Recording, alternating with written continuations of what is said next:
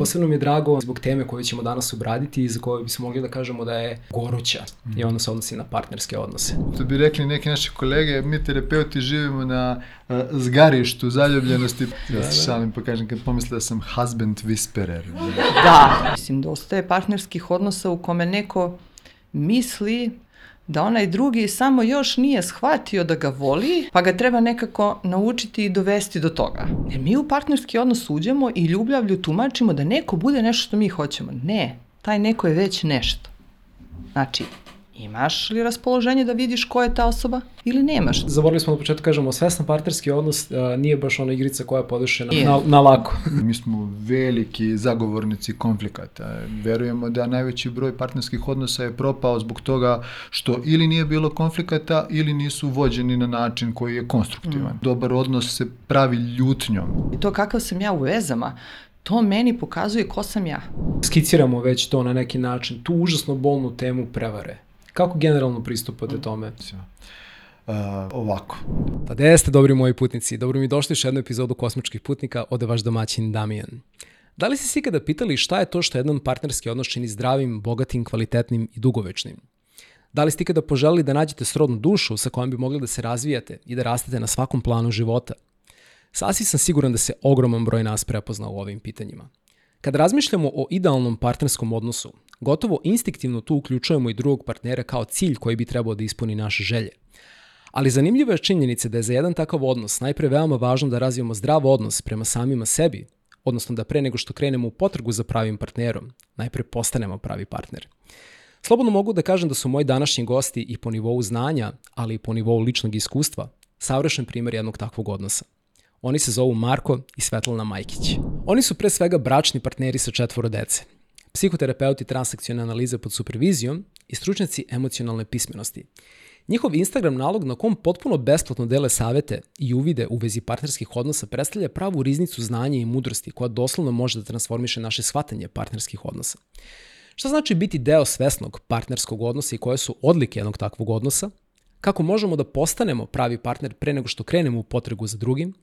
Šta zapravo predstavlja ljubav i šta ona nije, su samo neke od ključnih tema ove epizode koja će bilo da ste u partnerskom odnosu ili u potrezi za istom, biti vredna svakog uloženog trenutka vaše pažnje i vremena.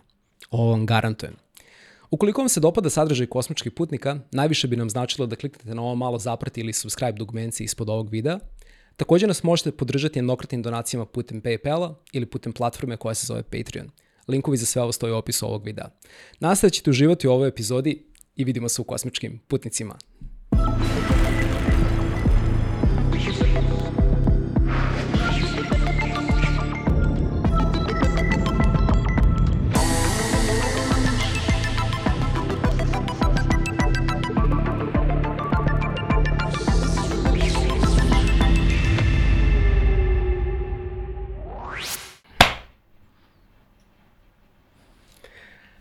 Marko, Svetlana. Ja osjetih nešto od ovog tvojeg.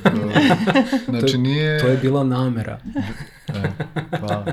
A nju prati jedno veliko dobrodošli mi u kosmičke putnike. Bolje te našli, hvala. Bolje te našli. Kako ste mi danas? Ovo mi je, ako sam dobro razumeo, prvi podcast u kom gostujete, je li tako? Jeste, prvi, da. uzbuđeni da. smo, baš smo sresni što je kod tebe i sad ćemo da vidimo kako da, se sve Da, ovaj, delimo jedno iskustvo prvo, prvog puta. A, moram da priznam da je to obostrano Ovo je takođe prvo iskustvo za mene gde imam dva gosta. Ovo je zvanična prva epizoda Kosmičkih da. putnika koju snimam sa dvoje gostiju. E pa nek nam je, da, nek nam je se sreće. Tako da je onako ovaj prvenac i za vas i za mene i baš sam uzbuđen zbog toga i mnogo mi je drago što ste to baš vi. A mhm. posebno mi je drago naravno i zbog teme koju ćemo danas obraditi i za koju bismo mogli da kažemo da je Pa, ne bi bilo preterano kada bih rekao goruća za mm. ogroman broj ljudi širom planete Zemlje, ne samo kod nas, mm. i ono se odnosi na partnerske odnose. Mm. Odnosno na to kako možemo da budemo deo jednog svesnog partnerskog odnosa i kako možemo da težimo tome da postanemo pravi partneri pre nego što krenemo da tražimo pravog partnera. A ja moram da priznam da sam ja previše vremena provao na vašem Instagram nalogu, zato što ovaj, zaista tamo delite toliko znanja i mudrosti potpuno besplatno i hvala vam puno na tome. I fantastično mi je što je dobar deo saveta, posebno recimo kada su partnerski odnosi u pitanju, zasnovan na vašem ličnom iskustvu. Mm. Zato što ste vi pre svega i bračni par, imate i decu i da kažem ostvareni ste u tom jednom partnerskom odnosu i zaista mislim da u tom smislu dajete jednu veliku vrednost po pitanju ove teme. E sad, ta a, tema, iako mi je dosta onako uzbudljiva, postoji još jedna a, koja mi je podjednako bila uzbudljiva dok sam istraživao vaš rad. To jeste bila razvojni put a, psihoterapija Majkić. Pa bih volao da ovu našu današnju eto, ovaj razmenu otvorimo time da mi kažete kako je stvari, gde je počeo i kada taj put i zašto ste odlučili da krenete baš njim? Dobro pitanje. Šti? Pa ajde, ovaj, mislim, razvojni put je davno, davno je počelo. Počelo je sa decom. Znači, deca su došla i sad kao ja neko ko suštinski nisam razmišljala o sebi kao majci kad sam bila devojka. Kao nešto nije bilo to ono kao ja želim, nije to moj neki prirodni ambijent. E, meni se e, velika potreba javila da e, imam neku pomoć, podršku. I sad to je bilo logično nekako gde ću da tražim, znači ne mogu, ovaj, od moje babe ne mogu naučiti, od mojih roditelja smatrala sam ne mogu naučiti i u okruženju nisam videla neke adekvatne primere i onda sam krenula od čitanja te neke literature. I ta literatura je prosto onako, što kaže, ja sedim kući u nekom trenutku, gajim decu, to je četvoro dece, to je veliki broj godina, to je veliki broj izazova, a s druge strane Maj, Marko ovaj, u svom biznisu ide na neka usavršavanja, donosi neku literaturu, ta literatura je isto sjajna, to je literatura sa nekih poznatih eh, škola, univerziteta i sad ja to čitam jer ja ne mogu, nije mi dovoljno samo to u kući. I nas dvoje mnogo pričamo o tome mnogo pričamo, mnogo delimo, to postaje neko naše zajedničko interesovanje i iskustvo mm -hmm. i onda ovaj, je nekako u nekom trenutku uh, dobro je toga se akumuliralo dovoljno da ja kažem ja sa ovim bih nešto još. Dobro, radim u školi, radim sa decom, to je super, sa mojom decom to je super, ali ja vidim neke potrebe ljudi oko mene, a i moje, koje nisu zadovoljene. Znači, mi smo iz Užica, u Užicu je bio jedan psihoterapeut. Mm -hmm. Znači, ta žena je fenomenalna jedna žena, ali ona ne može da postigne sve. Znači, nije moguće postići sve. I, ove, I onda ja Marku kažem jednom, to je već bilo, ja sam bila 40 plus, ja kažem, ove, za šta, ja sam se nešto raspitivala i ja bih na neku edukaciju tamo u TA centar, ovaj, to je transakciona, o, tra, to je skraćenica da, od transakciona analiza, mm -hmm. da. Ovaj, I Marko kaže, pa ajde, šta je, pričamo o tome i on kaže, pa ajde kad već idemo ono, u Beograd da ti ideš tamo, ajde idem i ja. Kao kad, što je suštinski kasnije se ispostavilo fenomenalno. Jer smo mi onda, zamislite da sam ja otišla sama, ja nešto radim na sebi, a on ne radi ništa. Znači, mm. to je bilo... I ja ovaj, ostanem na starom nivou. Da, pa dobro ne bi ostao, da. Ali jesam više puta pomislila, stvarno ono usput kao čovječe, brat, na, to je sjajna stvar što mi ovo delimo, što je to naše zajedničko iskustvo, jer je mnogo intenzivno. To su ozbiljne promene. Ti mm -hmm. više ne ostaješ, nisi isti, menjaš se ja nisam ista kao što sam bila, bez obzira što sam se mnogo promenila, on što kaže od 20 do 30, od 30 do 40, ali definitivno nisam ista osoba koja je ušla u 40. i koja je ušla u ovu edukaciju. Vi ste do tada radili u školi, ili tako? Vi ste bili da, nastavnik? Da, nastavnik srpskog jezika i književnosti. Što je takođe jedan sjajan uticaj. U smislu da moj doživljaj književnosti je bio ja, uh, mislim, mi nemo tri života da živimo. Pa sad kao jedan živim da probam, pa jedan vežbam, pa kao treći živim. Mm. I meni je književnost bila kao čoveče, to je gomila primera da ja vidim kako je neko probao da živi i ja sam tome tako pristupala i moji đaci znaju i sećaju se. Znači, to je primer. I sad ja biram hoću li tako ili ću drugačije. I to je ovaj, mnogo uticalo, ali je ova edukacija došla kao rezultat svih tih stvari. A ti, Marko? Uh, ja bih se čak usudio da kažem da je moj san u psihoterapiji krenuo i ranije. Uh, ja kad sam bio srednjoškolac, psihoterapija nije bila uopšte razvijena u Srbiji, ok, u nekim početnim fazama, mm -hmm. to su bile 90. godine. I međutim, uh, već tad je, ne znam, u zapadnjačkim filmovima bile, pa u filmovima, pa mislim da je već tad bila ona serija na psihoterapiji, meni se to tako sviđalo. Ideja da se baviš onim što je ljudima stvarno bitno, da si uključen u život drugih ljudi na način koji uh, njima menja život uh, na najznačajniji način, uvek mi je nekako bila, uh, bila privlačna. Uh, I onda ja sam krenuo na ekonomski fakultet jer je bilo kao hoću li na prirodne nauke, iako sam uh, bio u prirodno-matematičkoj gimnaziji, nekako sam već tad shvatao da su mi, ne znam, društvene nauke i sve to što je bilo vezano s tim mnogo prijemčivije od, od, uh, od, od prirodnih.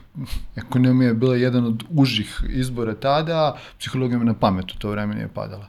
I uh, međutim, ja sam se uh, sa psihologijom sreo baš kroz biznis. Meni je ovaj deo života posle ekonomskog fakulteta išao sjajno. Veliki broj ljudi koji mene zna iz tog perioda se čudi uh, otkud, zašto bih ja napravio tu promenu, jer uh, ja sam bio prilično uspešan. Vrlo rano sam ja postao i direktor u međunarodnim korporacijama sa svim benefitima koje to nosi, uh, sjajnom platom za neki mladi uzrast, uh, firmin auto, i to one firmin auto što ne samo da firma sipa gorivo u njega, nego i, i opere. I onda, znači, stvarno je bilo sjajno. Međutim, uh, nekako u, kroz edukacije baš Svetlane priča i ja sam baš imao sreće da kroz te korporacije dođem u kontakt sa, uh, sa Harvardom, sa CIPD London, sa Dinergy, sa, to su neki od najvećih imena u svetskim, uh, među svetskim edukatorima za menadžere i kao šta ćemo da učimo tu, mnogo je zanimljivo, kad mi učimo psihologiju. Hmm. I nekako baš uh, sam veliki, uh, najznačajnije od tih edukacija uh, imao priliku da prođem baš posle 2008. onog kraha, kad je mhm. nekako cela biznis man management, filozofija, školovanja pala nekako, jer mhm. ti najbolji đaci tih Harvarda i drugih škola su napravili krah 2008. I onda je takav zaokret uh, napravljen u tih godina vezano za školovanje menadžera, lidera i to, da su se ljudi okrenuli razumu, psihologiji, uh, drugim ljudima, radu s ljudima, motivaciji, baš brojnim psihološkim faktorima koje sam prvi put tu upoznao. Joj, to se meni svidelo mnogo i nekako mi je bilo malo samo ovaj, da uh, se time bavim iz tih edukacija i nekako se to onda poklopilo sa Svetlanom idejom za transakcionalizu. Bilo je kupljeno u prvom razgovoru i onda je to krenulo dalje. Mi smo krenuli prvo na psihoterapijsku edukaciju, pa smo onda ove studije psihologije, sam stigao do mastera, Svetlana je to je u narednim mesecima čekamo da se to kompletira i mm -hmm. tu je negde priča krenula. Po čemu je karakteristična, znači oboje ste ušli u transakcionalnu analizu, a to je recimo za ljude koji prvi put sad čuju za taj vid psihoterapije, po čemu je on karakterističan, zašto ste se baš za taj tip uh, psihoterapijske prakse odlučili? Pa, transakcionalna analiza je meni uh, donela jednu perspektivu koja je vrlo zanimljiva, hmm. a to je, znači, pozicija o kojoj su psihoterapeut i klijent, odnosno osoba sa kojom radimo je pozicija poštovanja i uvažavanja. Ja sam ok, ti si ok. Znači svaki čovek zaslužuje poštovanje i uvažavanje. O njegovim delima mi možemo diskutovati kao dobrim, pogrešnim, ako onako, ali osoba kao ličnost zaslužuje poštovanje i uvažavanje. I ta pozicija je meni bila sjajna. Uh mhm. -huh. Druga stvar koja se meni jako svidela u transakcionalnoj analizi, to je ta neka prijemčivost širokoj publici. Znači ti možeš detetu od 8 godina da objasniš koncepte transakcione analize, uh mhm. -huh. koji su na površini vrlo jednostavni, uh mhm. -huh. ali su duboki, složeni. Oni su proizašli iz psihoanalize, jer Beren, osnivač uh -huh. transakcione analize, je bio uh, ovaj, Freudov učenik na neki način, odnosno iz te škole je proizašao. I ovaj, meni je to recimo u učionici bilo fenomena. Znači ja šta god deci objasnim iz toga, oni kapiraju, shvataju, osvešćuju i mi drugačije funkcionišemo. A i klijenti na terapiji. Tako Vrlo je, i klijenti na terapiji. Znači, kako god ti da to predstaviš, oni mnogo bolju uh, sliku sebe imaju, mnogo bolje sebe prate, mnogo lakše dolaze do svesnosti. Mm -hmm. I mhm. to je meni nekako uh, Ovaj, um, Šta je bio neki savjeta koji ste davali deci? Pošto posebno deca kad su mladi, kad su nešto... Šta... U školi? Da, da, da. Znači, ako sam dobro razumeo, to, davali ste im, odnosno, uh, uvodili ste ih u te neke principe transakcijne analize u toku srpskog jezika? Da. Aha. Ovaj, pa to je jedna zanimljiva stvar, to je nešto što sam ja izlagala na kongresu psihoterapeuta. Da. Ja recimo analizu likova radim kroz koncepte transakcijne analize. Uh mhm. -huh. I recimo da oni uoče ovaj, recimo Merso iz romana Stranac, glavni Aha. junak, koje oblike pasivnog ponašanja oni uočavaju u romanu. I oni se apsolutno iznenade. Znate?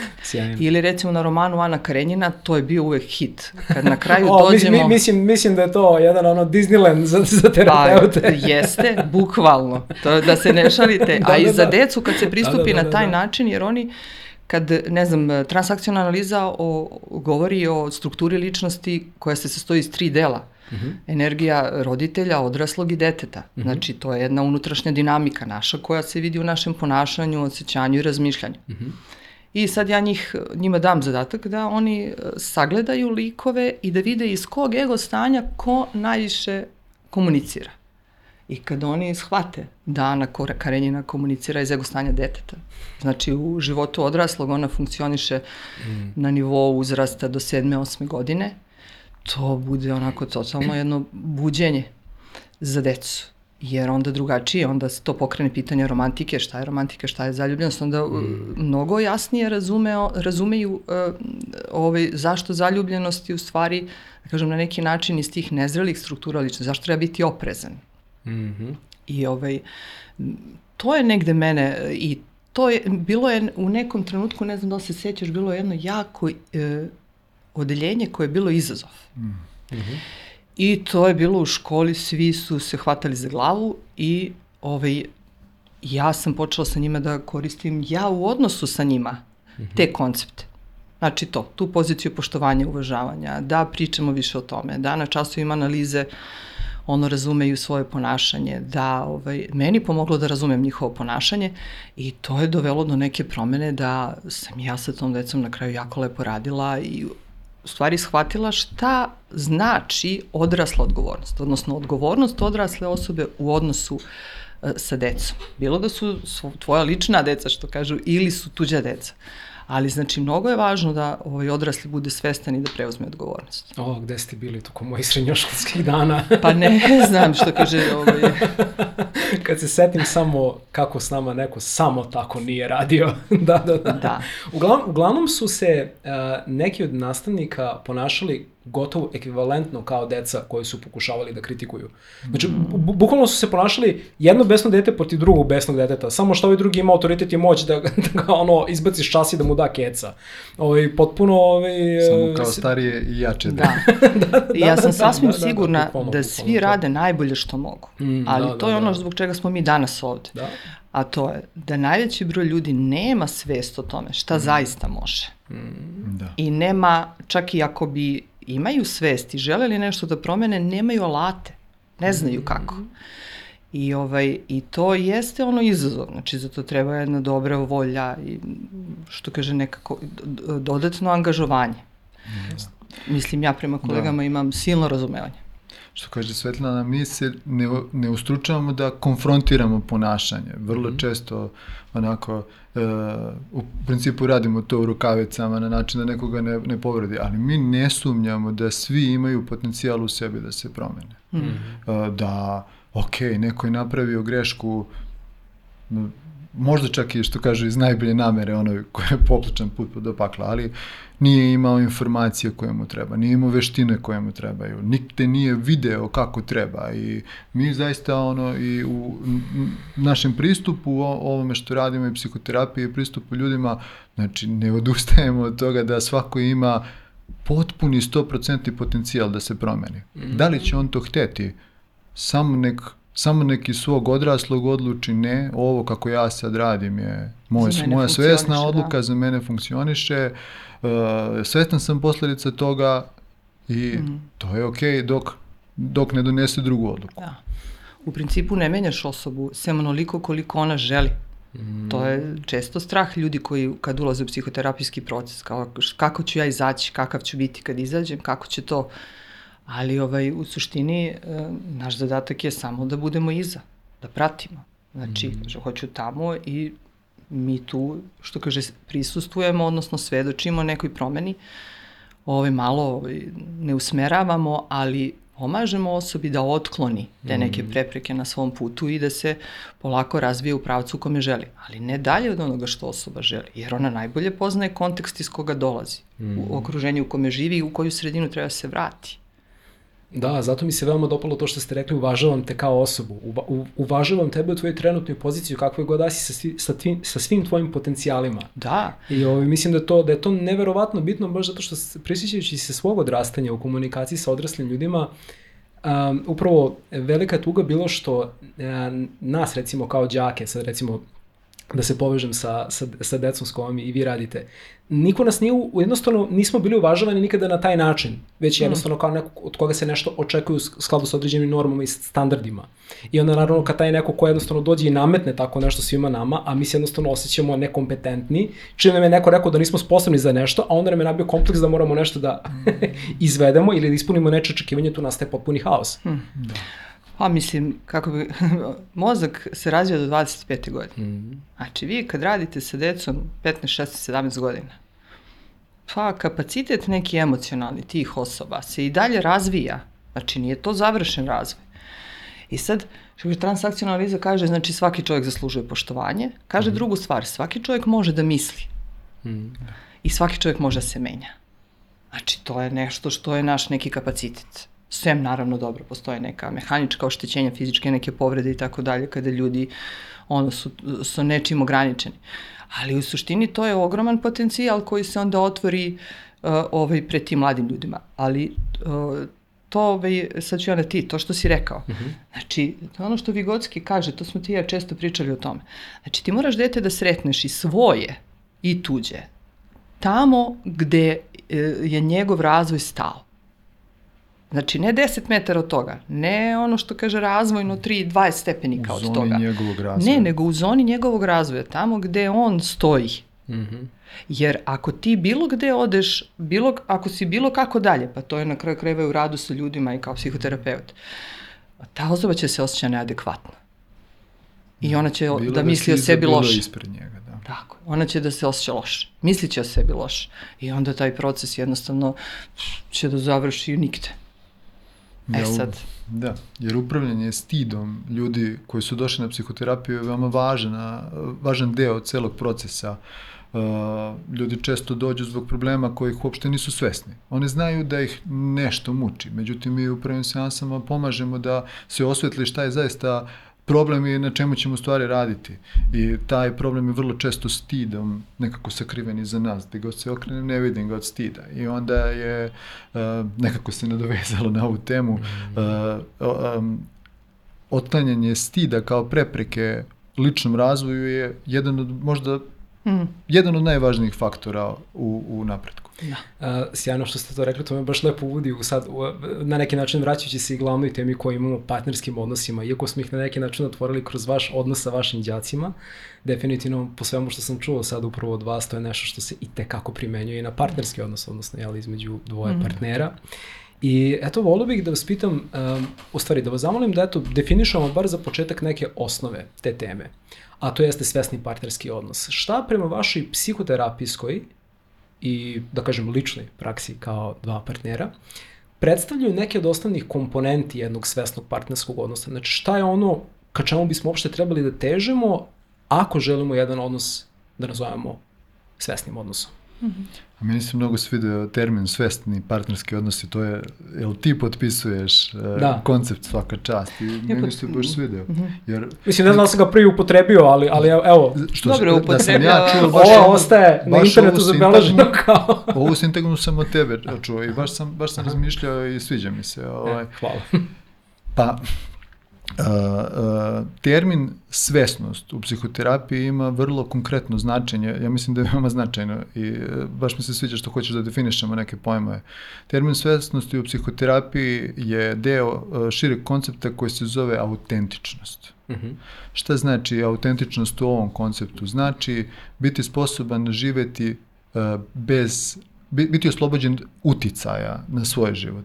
Uticaja kako iz svoje prošlosti, znači uticaja ovog deteta u meni koje je ranja, nečim ranjeno pa se sada ta rana ispoljava u mom odnosu sa partnerkom ili bilo gde, e, tako i uticaja drugih ljudi koji su formirali naš ego tačnije taj jedan njegov deo što Svetlana malo priča i ispoljava se takođe u stresnim situacijama uh, u kojima se mi ponašamo, mislimo i osjećamo onako kako se ponašao, mislio ili osjećao taj neki važan drugi koji je uticao na naše formiranje. Mm. Dakle, autentičnost bukvalno znači da sam ja svoj, sad i ovde, bez bez oslobođen uticaja. Naravno, to je u, u idealnom modelu nešto čemu se teži. Ne, ne znam da li je ikad iko uspeo da se potpuno oslobodi uticaja, ali je neki pravac razmišljanja u radu. I sad kako se svesnost uklapa u taj koncept? Tako što se autentično sastoji od svesnosti, um, intimnosti i spontanosti. Svesnost tu znači, Svetlana tome uvek lepo priča, o tome biti vrlo realan sad i ovde. Znači, šta znači biti svestan? svestan? Znači, ono što vidim da odgovara istini. Da, mm -hmm. znači, ne... kako da kažem, ne zakrivljujem stvarnost time što ću otpisati neke delove uh, realnosti koje vidim, neke, neke, neke osobine partnera. Ne, ili ću uh, projektovati nešto što nije tu. Apsolutno, bravo. Zapravo. Uh, da.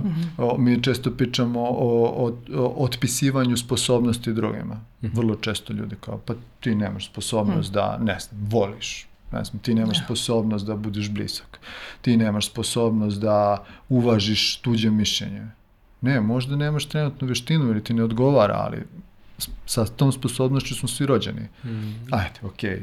na stranu psihoze, poremećaj mozga i slično, ok, ali zdrava osoba ima sve ove sposobnosti.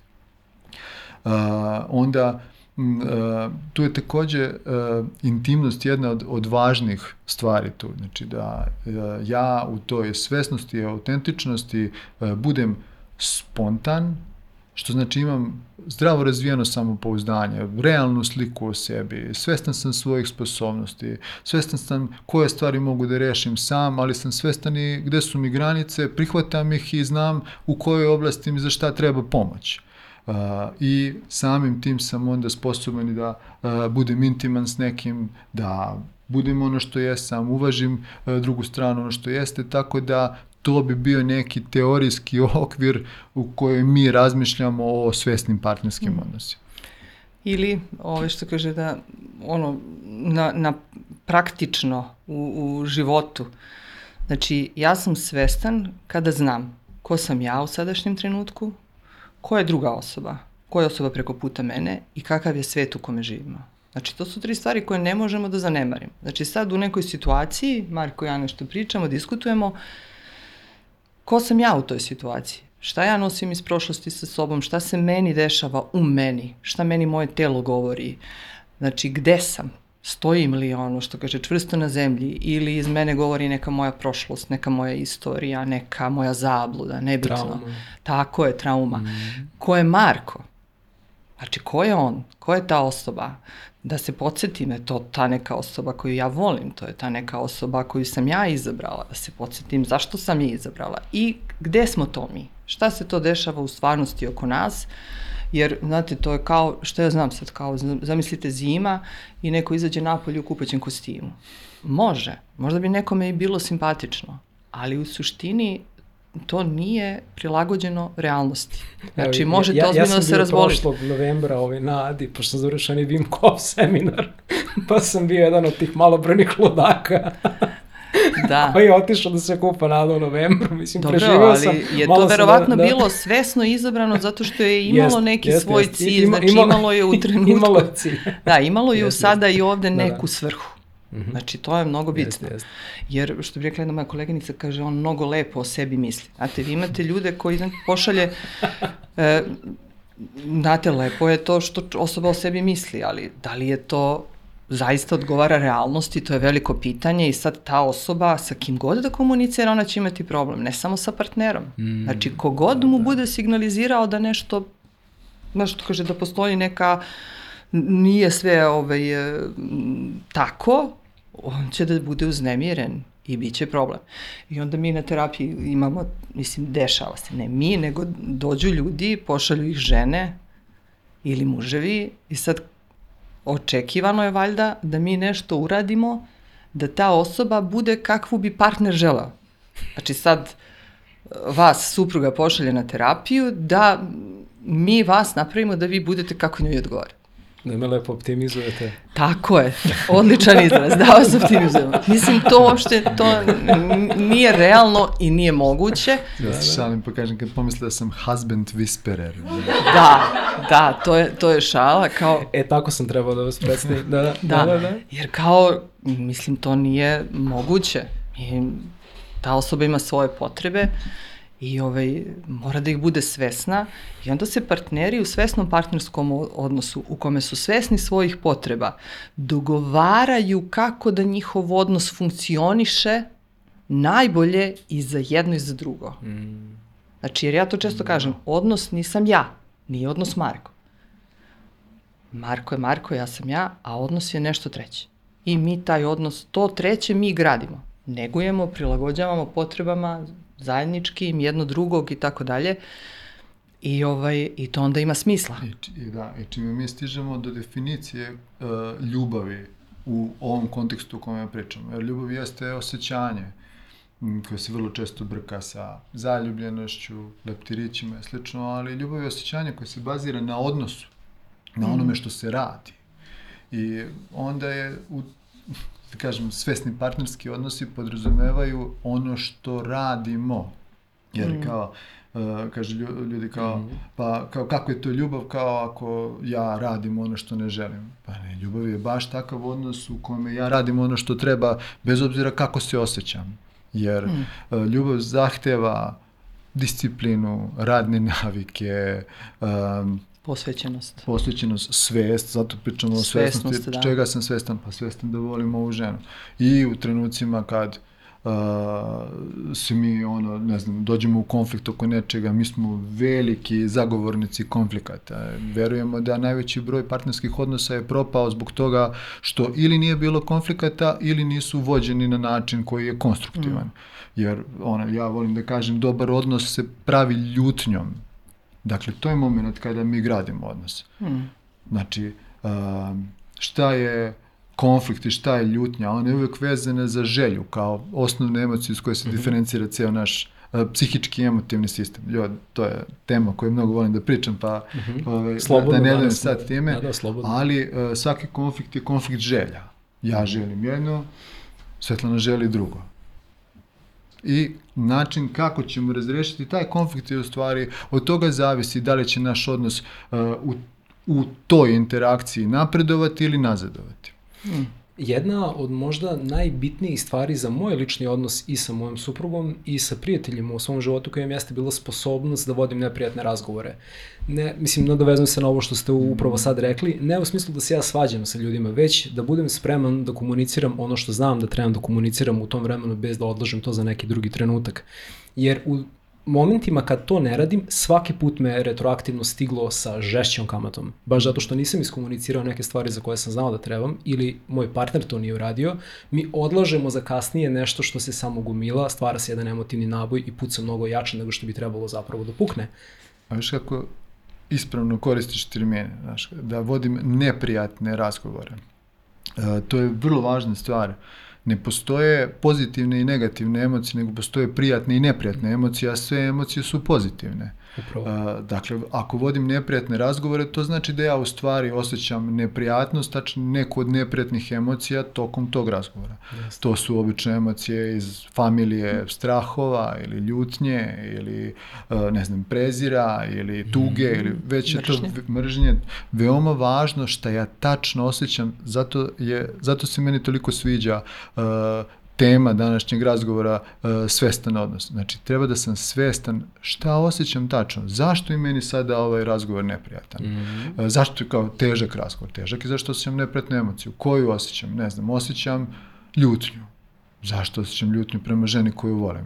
Mm Jel ta ljutnja uh, sad, sada i ovde autentična ili nije? Kao, pa nije, svađamo se, ja hoću sarmu, ti hoćeš punjenu papriku. Znaš kao. Ali, ne znam, uh, ja osjećam uh, ljutnju uh, visokog intenziteta i onda pričamo o onome da li sam autentičan ili sam trenutno pod nekim uticajem.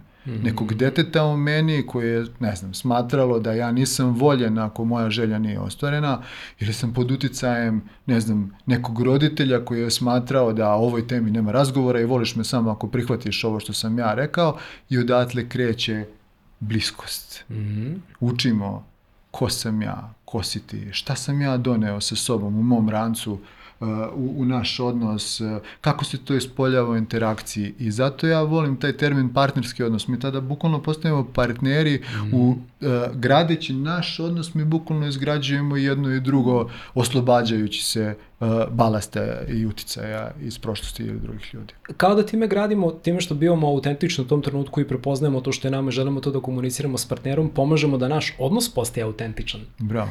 I on bukvalno se rađa kada je na autentični fenomen baš zato što mi uložemo autentične komponente u njegovom kreiranju. Uh, I ono što je sjajno u vezi toga je uvek, uh, ja sam uvek imao Jeste, u stvari ovako, jeste teško možda u početku dok se čovjek ne navikne na to, ali znam šta me čeka kasnije. Kasnije me čeka iskren odnos. Kasnije me čeka istina. Ako ja to iskomuniciram, mi znamo na čemu smo. Baš tako. Prosto i ja, i ja i svoj partner i nekako rastemo onda zajedno u tome. I ulazimo u taj jedan novi prostor povezanosti koji nam je do tad bio jednostavno nedostupan, ne zato što mi nismo mogli da ga dosegnemo, a hteli smo, nego zato što nismo dozvoljavali jednom drugom da ga dosegnemo, baš zato što nismo delili stvari koje smo znali da trebamo da delimo. Da. A kad nema autentičnosti, mi se suštinski ne poznajemo. To jeste. Znači, Bravo. onda na kraju kad smo Da, autentični, mi se to. prepoznamo. Znači, Da, ja da. vidim ko je ta osoba, znam ko je ta osoba, mogu da joj napravim prostor, ona će meni da napravi prostor. Znate, tu smo jedno za drugo. To je Gradimo kao da za- neki ljudi mogu da budu tipa 40 godina u braku da se zapravo ne poznaju u Ma, tom pa smislu. toga ima, Vidite kako. da. Da, Da, da. ne poznaju samog sebe. Da, da, da. da Ili da. poznaju nekog istorijskog, jedni druge u- kao neku... Znate, to što se dešava nama sa roditeljima, e, to je nešto što postanemo mi. Znači, unutar nas, znači neki procesi. I te procese mi posle sagledavamo kroz odnose sa drugim ljudima. Najčešće, mislim, tamo gde se to najviše izražava, to je u partnerskom odnosu. Znači, u suštini, u odnosu prema partneru ja vidim kakav sam ja prema sebi. Mhm. Znači, meni to može da bude vrlo konstruktivno. To šta ja osjećam u, nekom, u nekoj dinamici našoj, bračnoj, partnerskoj, kakav sam ja u vezama. Znači, mi sad pričamo, nas dvoje smo 25 godina u braku, pa sad kao pričamo o nekom kontinuitetu. Ali to kakav sam ja u vezama, to meni pokazuje ko sam ja. Znate, ako se neka stvar ponavlja u mom životu dva puta, to je već za znak pitanja. Tri puta ja već imam nešto sa sobom što, što kaže, Već. znači autentičnost je bitna zato što kad sam autentičan to znači da ja sebe poznajem. A pošteno rečeno, znači pošto je ovaj život dugačak i mi često pričamo o tome da kako život nije bez veze dugačak, jel? Znači vama se može desiti da upoznate sebe i da vam se nešto desi prvi put sa 70 godina. Da vidite neku svoju reakciju tek sa 70 godina. Da sebe sagledate u nekom svetlu. Da nešto o sebi novo naučite.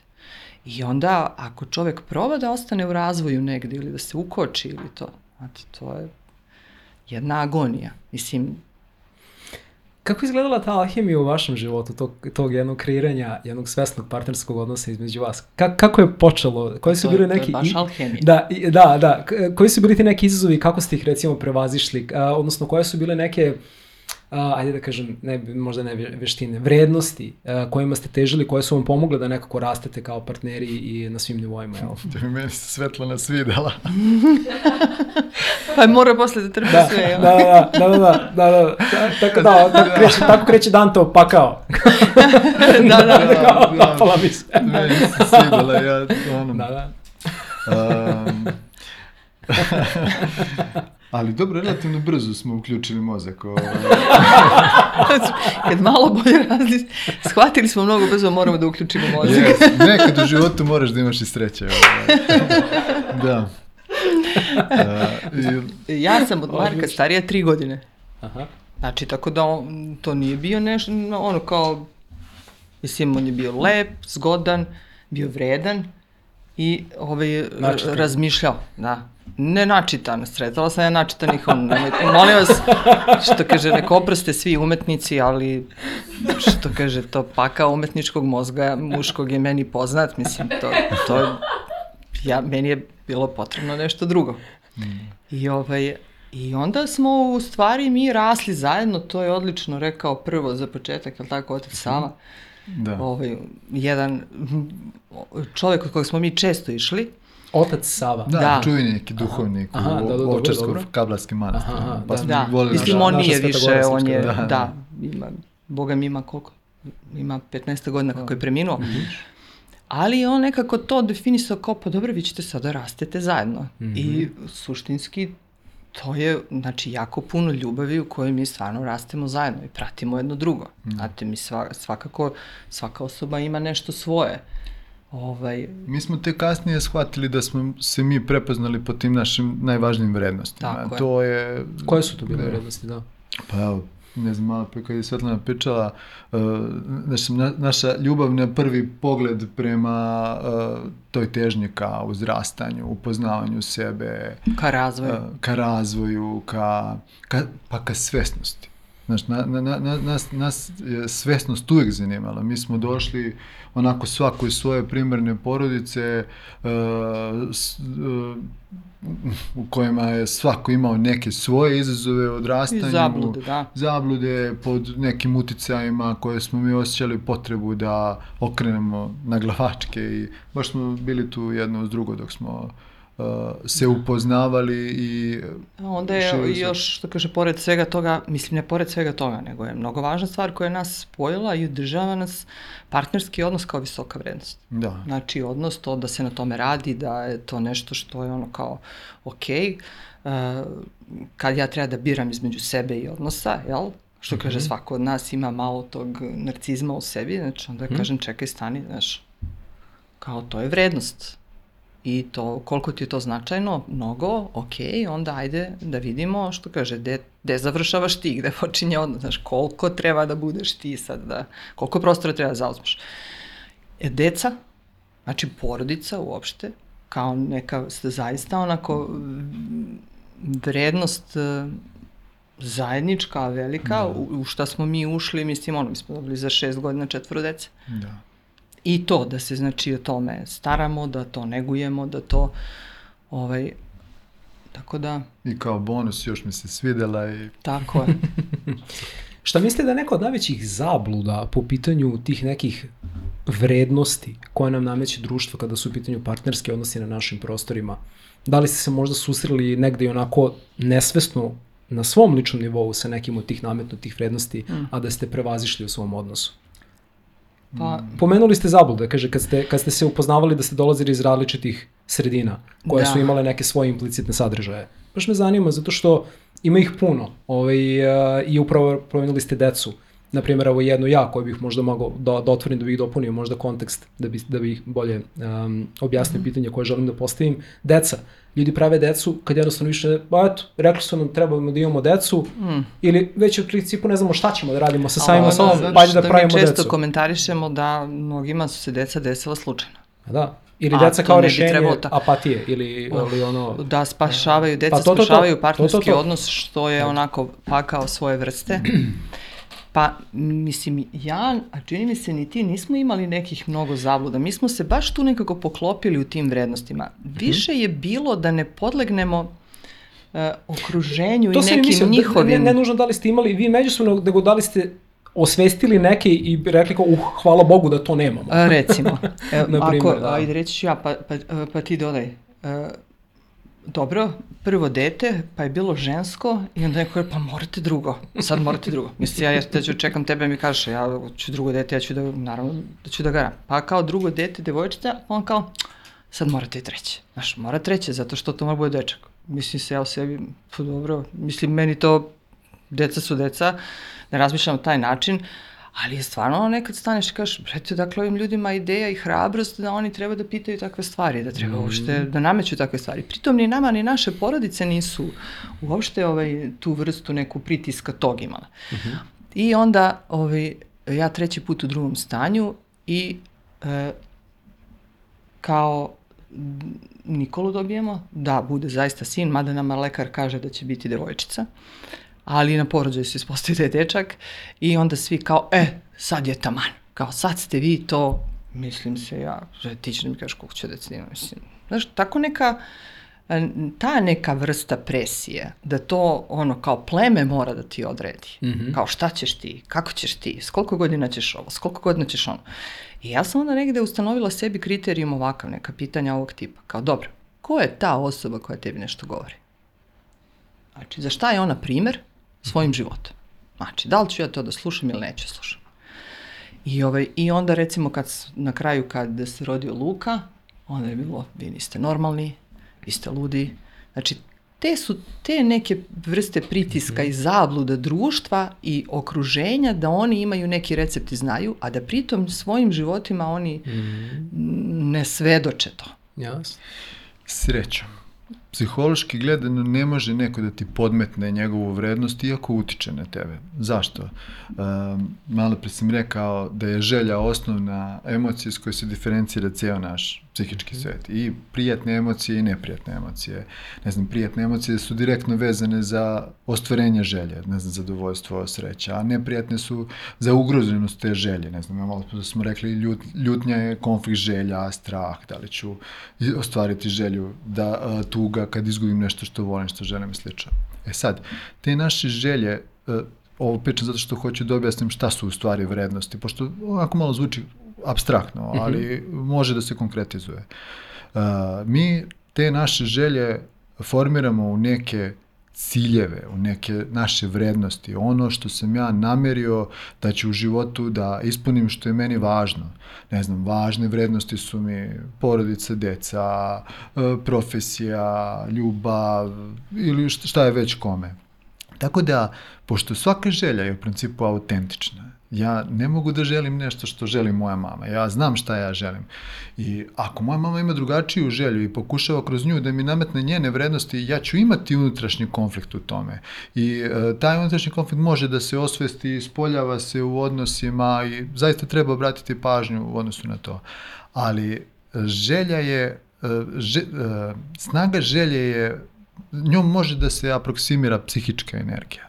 Znači, ja kad nešto želim, ja sam motivisan, ja onda, to mene pokreće, želja, emocija, emovere, emotion, ona, ona, ona kreće. Tako da, uh, važno je osvestiti svoju želju i te želje uh, uh, staviti u sistem vrednosti. Ne znam, možda želim u isto vreme da živim ko momak i da, ne znam, imam super uh, brak i porodicu i decu. Sada, problem je kad ljudi imaju uh, te dve želje, to je te dve vrednosti na, na istom nivou. E onda on mora hirarhijski da organizuje te želje, da kaže šta je meni važnije u životu i da, da. Uh, onda se ponaša u skladu sa svojim vrednostima. Ili uh, kod nas u društvu takođe, mislim, mada se menja, ali žene kao karijera, porodica, deca. Pa kao moram da biram. Pa dobro, ne. Znači, nešto će samo morati u nekom trenutku na neku vrstu stand-by-a, odnosno na neku vrstu čekanja, mm. ili ću morati da budem dobro organizovan, da to osmislim dobro, da bih, što Mogu kaže, da postigla i ostvarila sve svoje želje. Simultano ili sekvencijalno, ili sekvencijalno, ali uh, sa svešću, kao što pričamo, o svojim željama. Da. Hteo sam da vas pitam još sad malo vraćajući se i temi uh, potencijalni neprijatnih razgovora kojima čak mogu da izađu i u kontekstu ovoga kada ljudi imaju različite ambicije ili uverenje s kojim ulaze određenu vezu i na kraju, na, na kraju zaključno sa tim neprijatnim razgovorima do kojih dolazi. Kako generalno pristupate takvim situacijama kada vam dolaze klijenti koji imaju problem da vode neprijatne razgovore, a znaju da bi trebali? Kako im pomažete? Šta im savjetujete da rade, ako možemo tako da kažemo? Pa prvo da utvrdi, utvrđujemo razlog zbog kog ovaj, ne mogu da uđu. Dakle, dolazi taj otpor. Znači, da li je to strah od konflikta, kako oni zamišljaju konflikt, šta a, znaju o konfliktu, na, kakva su iskustva njihova konflikta pa onda da li često ljudi nisu sigurni da li umeju da se ljute, odnosno oni ljutnju doživljavaju malo pre kad je Marko pričao pa nismo to napomenuli. Znači ljutnja može da se izražava na više nivoa. Ja mogu, vidite kako ja izrazim ljutnju ono šapatom. Znači to je, znači ljutnja može da bude, mislim, kaže, kaže Niko, kaže ga polako, kaže vrlo nežno, ali vrlo, ono, kaže što bi rekao, čvrsto s ljubavlju. I ovaj, i sad ovaj, znači prvo te neke da. zablude raščistimo. Šta je to? Da to što su oni videli kao ljutnju i konflikt u, svojom, u svojoj kući, uh mhm. -huh. među svojim bližnjima, da to ne mora bude jedini način. Pa onda, pošteno rečeno, nekada i proverimo sa kim ulaze u konflikt. Znate, vi ženu žrtvu nasilja da učite da ulazi u konflikt, sa kim da uđe u konflikt, izgubi glavu. Znači, moraš da budeš vrlo, uh, da ti bude vrlo jasno kontekst za koji o, taj čovjek koji izađe odatle, gde ide, jel? šta će on da radi sa tim, na šta će da najđe sa druge strane. Znači, i tu je potrebna svesnost. Znači, mnogo je važna svesnost za svaku, za svaku okolnost i za svaku situaciju. I onda tražimo, mislim tu, ja kažem svaki put, svaki klijent, svaka osoba je najveći stručnjak za svoju situaciju. Možda nije toga svesna, ali jeste. I onda e, mi smo tu samo da pomognemo da ona razume šta je za to što radi, što hoće da uradi, za to što hoće da postigne, najbolji način da postigne. I mislim, verovatno tu ima lutanja, znate, i to nekada budu procesi. Pa znate, kad posle par meseci dođe osoba i kaže, ja, uspeo sam, neko ko se jako puno plašio konflikta, ko nije kontrolisao svoju ljutnju i bes, to su onda velike stvari. Ljudi ono, kao da imaju super moć, neku novu, nešto drugačije se za njih desilo, imaju neko novo iskustvo, to iskustvo je bilo korektivno i tako dalje. Ovaj, Da. Uh, postoje tu i konkretne veštine, ove, što kaže Svetlana sve, znači prvo dekatastrofiziramo posledicu neprijatnosti. Ljudi imaju neko neprijatno iskustvo iz uh, neprijatnih razgovora. Uh, obično uh, često dolaze iz porodice u kojima nije bilo dozvoljeno reći mame i tati ne, ili starijoj sestri, bratu ne, ili su, suprostavljanje moglo da izazove posledice, što kaže Svetlana, ne znam, da dobiješ batine, mislim, kod nas. okruženjima i uh, Tako da naravno svest je bitna, ali ukoliko se radi o partnerskom odnosu u kome uh, se volimo i želimo da uh, živimo oboje u nekom ispunjavajućem, uh, ispunjavajućoj relaciji, e, onda je važno integrisati dve, važ, dve, dve potpuno suprotstavljene načine koji su nas učili da komuniciramo. Uh, ili da, ne znam, skočimo sa čvrstinom i insistiramo na uh, ispunjenju naših želja, grubo, ovo što danas kažu asertivno, dobro, to je koncept s kojim ja imam problem, ali ovaj, drugi put o tome. I ovaj, ili da se povučemo, da budemo uh, puni razumevanja, da eto istrpimo te dve stvari mogu da se spoje u jedan dah, mogu i da te volim i da budem čvrst u isto vreme. I da, to je ljudima teško da razumeju, da ljub, ljubav i ljutnja mogu da postoje u trenutku istom. U istom, da. A, ali ima ta stvar, ne znam jesi li ti primetio, znači vrlo često e, kad razgovaramo o tome zašto su ljudi ljuti, šta je to? Znači, odakle dolazi ta ljutnja? Ispostavi se da to možda nekad nije ni ljutnja vezana za tu situaciju. Ili da uopšte Znate, nije ljutnja u pitanju. Tako je, da uopšte nije bila u pitanju ljutnja, nego neki strah, neka mm. tuga, nešto, ne znam šta, koju ljutnja pokriva. Tako da, ovaj, i to pomaže. Kada ljudi razumeju sebe, razumeju svoju ljutnju, razumeju da li je zaista ugrožena njihova granica neka je to, onda mnogo lakše zastupaju sebe. Znači kad su svesni svih tih stvari. Koji su neki od najčešćih problema i poteškoće sa kojima vam dolaze klijenti kada su partnerski odnosi u pitanju? Sad, pa, flertovanje, neverstvo, preljuba, uh, nesigurnost, da li je partner uopšte voljan da uvaži, da se ikada promeni. Ljudi su ovih dana vrlo često u odnosima u kojima su potpuno neizvesni da li će od tog odnosa nešto da bude ili neće. Da li njemu treba da ostane ili ne treba. Da, to neko, nemanje poverenja u drugog. Da i nekako nesposobnost da se komunicira na nivou bliskosti. Da.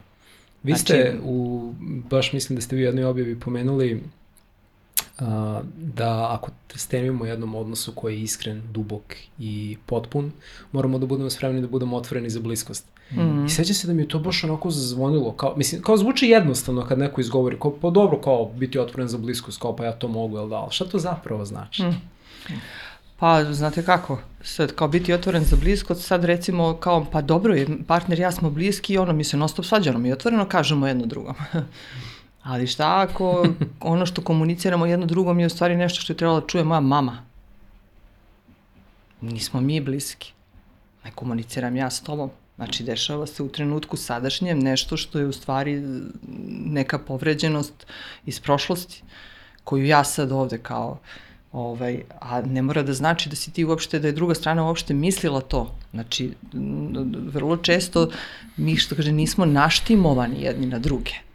Da. Znate, nismo svesni šta nas boli, koja nas rana boli. I onda partner uradi nešto i mi to protumačimo na neki način koji nema veze s našim partnerom. Ima veze s mamom, ima veze s našim tatom.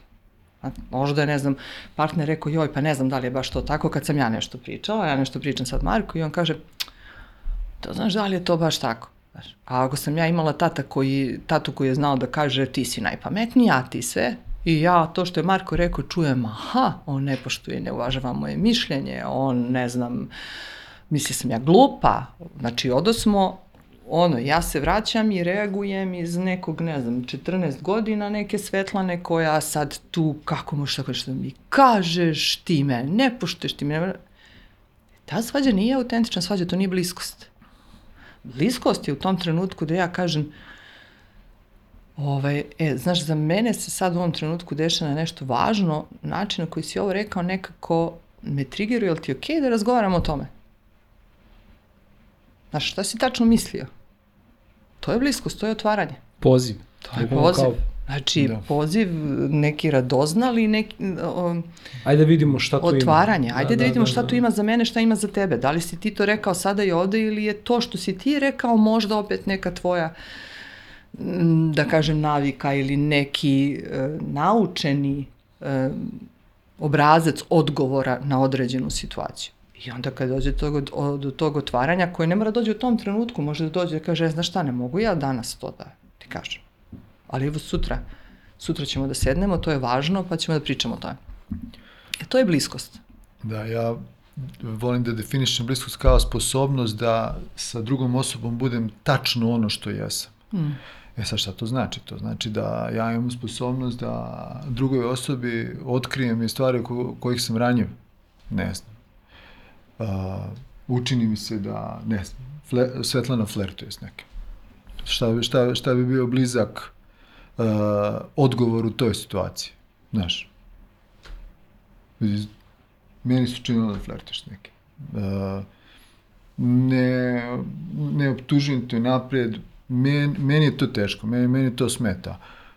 Prihvatam da je, možda ja imam neki problem s tim, ja ću s tim da, ovaj, da, da, da ispitam sa sobom da li sve vidim kako treba, da li sve okej, okay, ali Uh, ja bi da popičamo o tome, čemu se radi, jel imamo mi neki problem, zabrinut sam oko toga, uh, to je sposobnost da ja izrazim svoja najranjivija osjećanja uh, i da ih otkrijem pre neke. I da tražim ono što recimo sad u ovoj situaciji koju Marko govori, neko bi mogao da, ka da kaže ja bih se sigurnije osjećao kada bi bilo to, to i to. Pritom ne mislimo na kontrolu. Znači, ne da sad neko neko kontroliše, nego da prosto ono saopšti njegovu potrebu. Koja je moja potreba u ovoj situaciji od ovog odnosa? Znači, kad mi izlazimo negde, znači šta bi meni bilo značajno, koji su to neki naši signali koji bi mene učinili sigurnije. I sad ako ja to, što kaže, pružim, ja mogu i da pregovaram šta je meni okej. Okay. Znači, gde ćemo da se nađemo sa tim? Šta je meni prihvatljivo, šta je, šta je osobi prihvatljivo?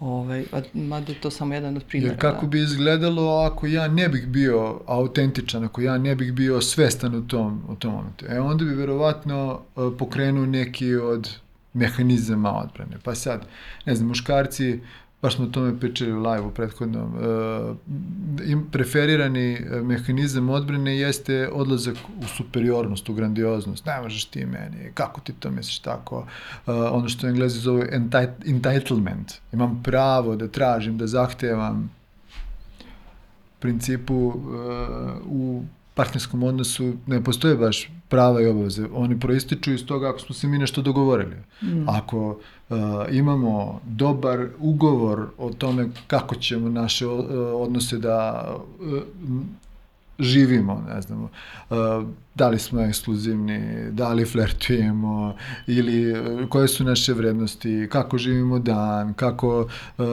gajimo decu, kako pravimo odnos između posla i da. radnog vremena, svim bitnim stvarima. E onda ako smo se dogovorili i rekli ok, to je naš odnos, onda imamo neko pravo da pozivamo drugog na odgovornost, da da odgovor zašto se ne ponaša u skladu sa našim dogovorom. Mm, da li treba da se menja taj dogovor?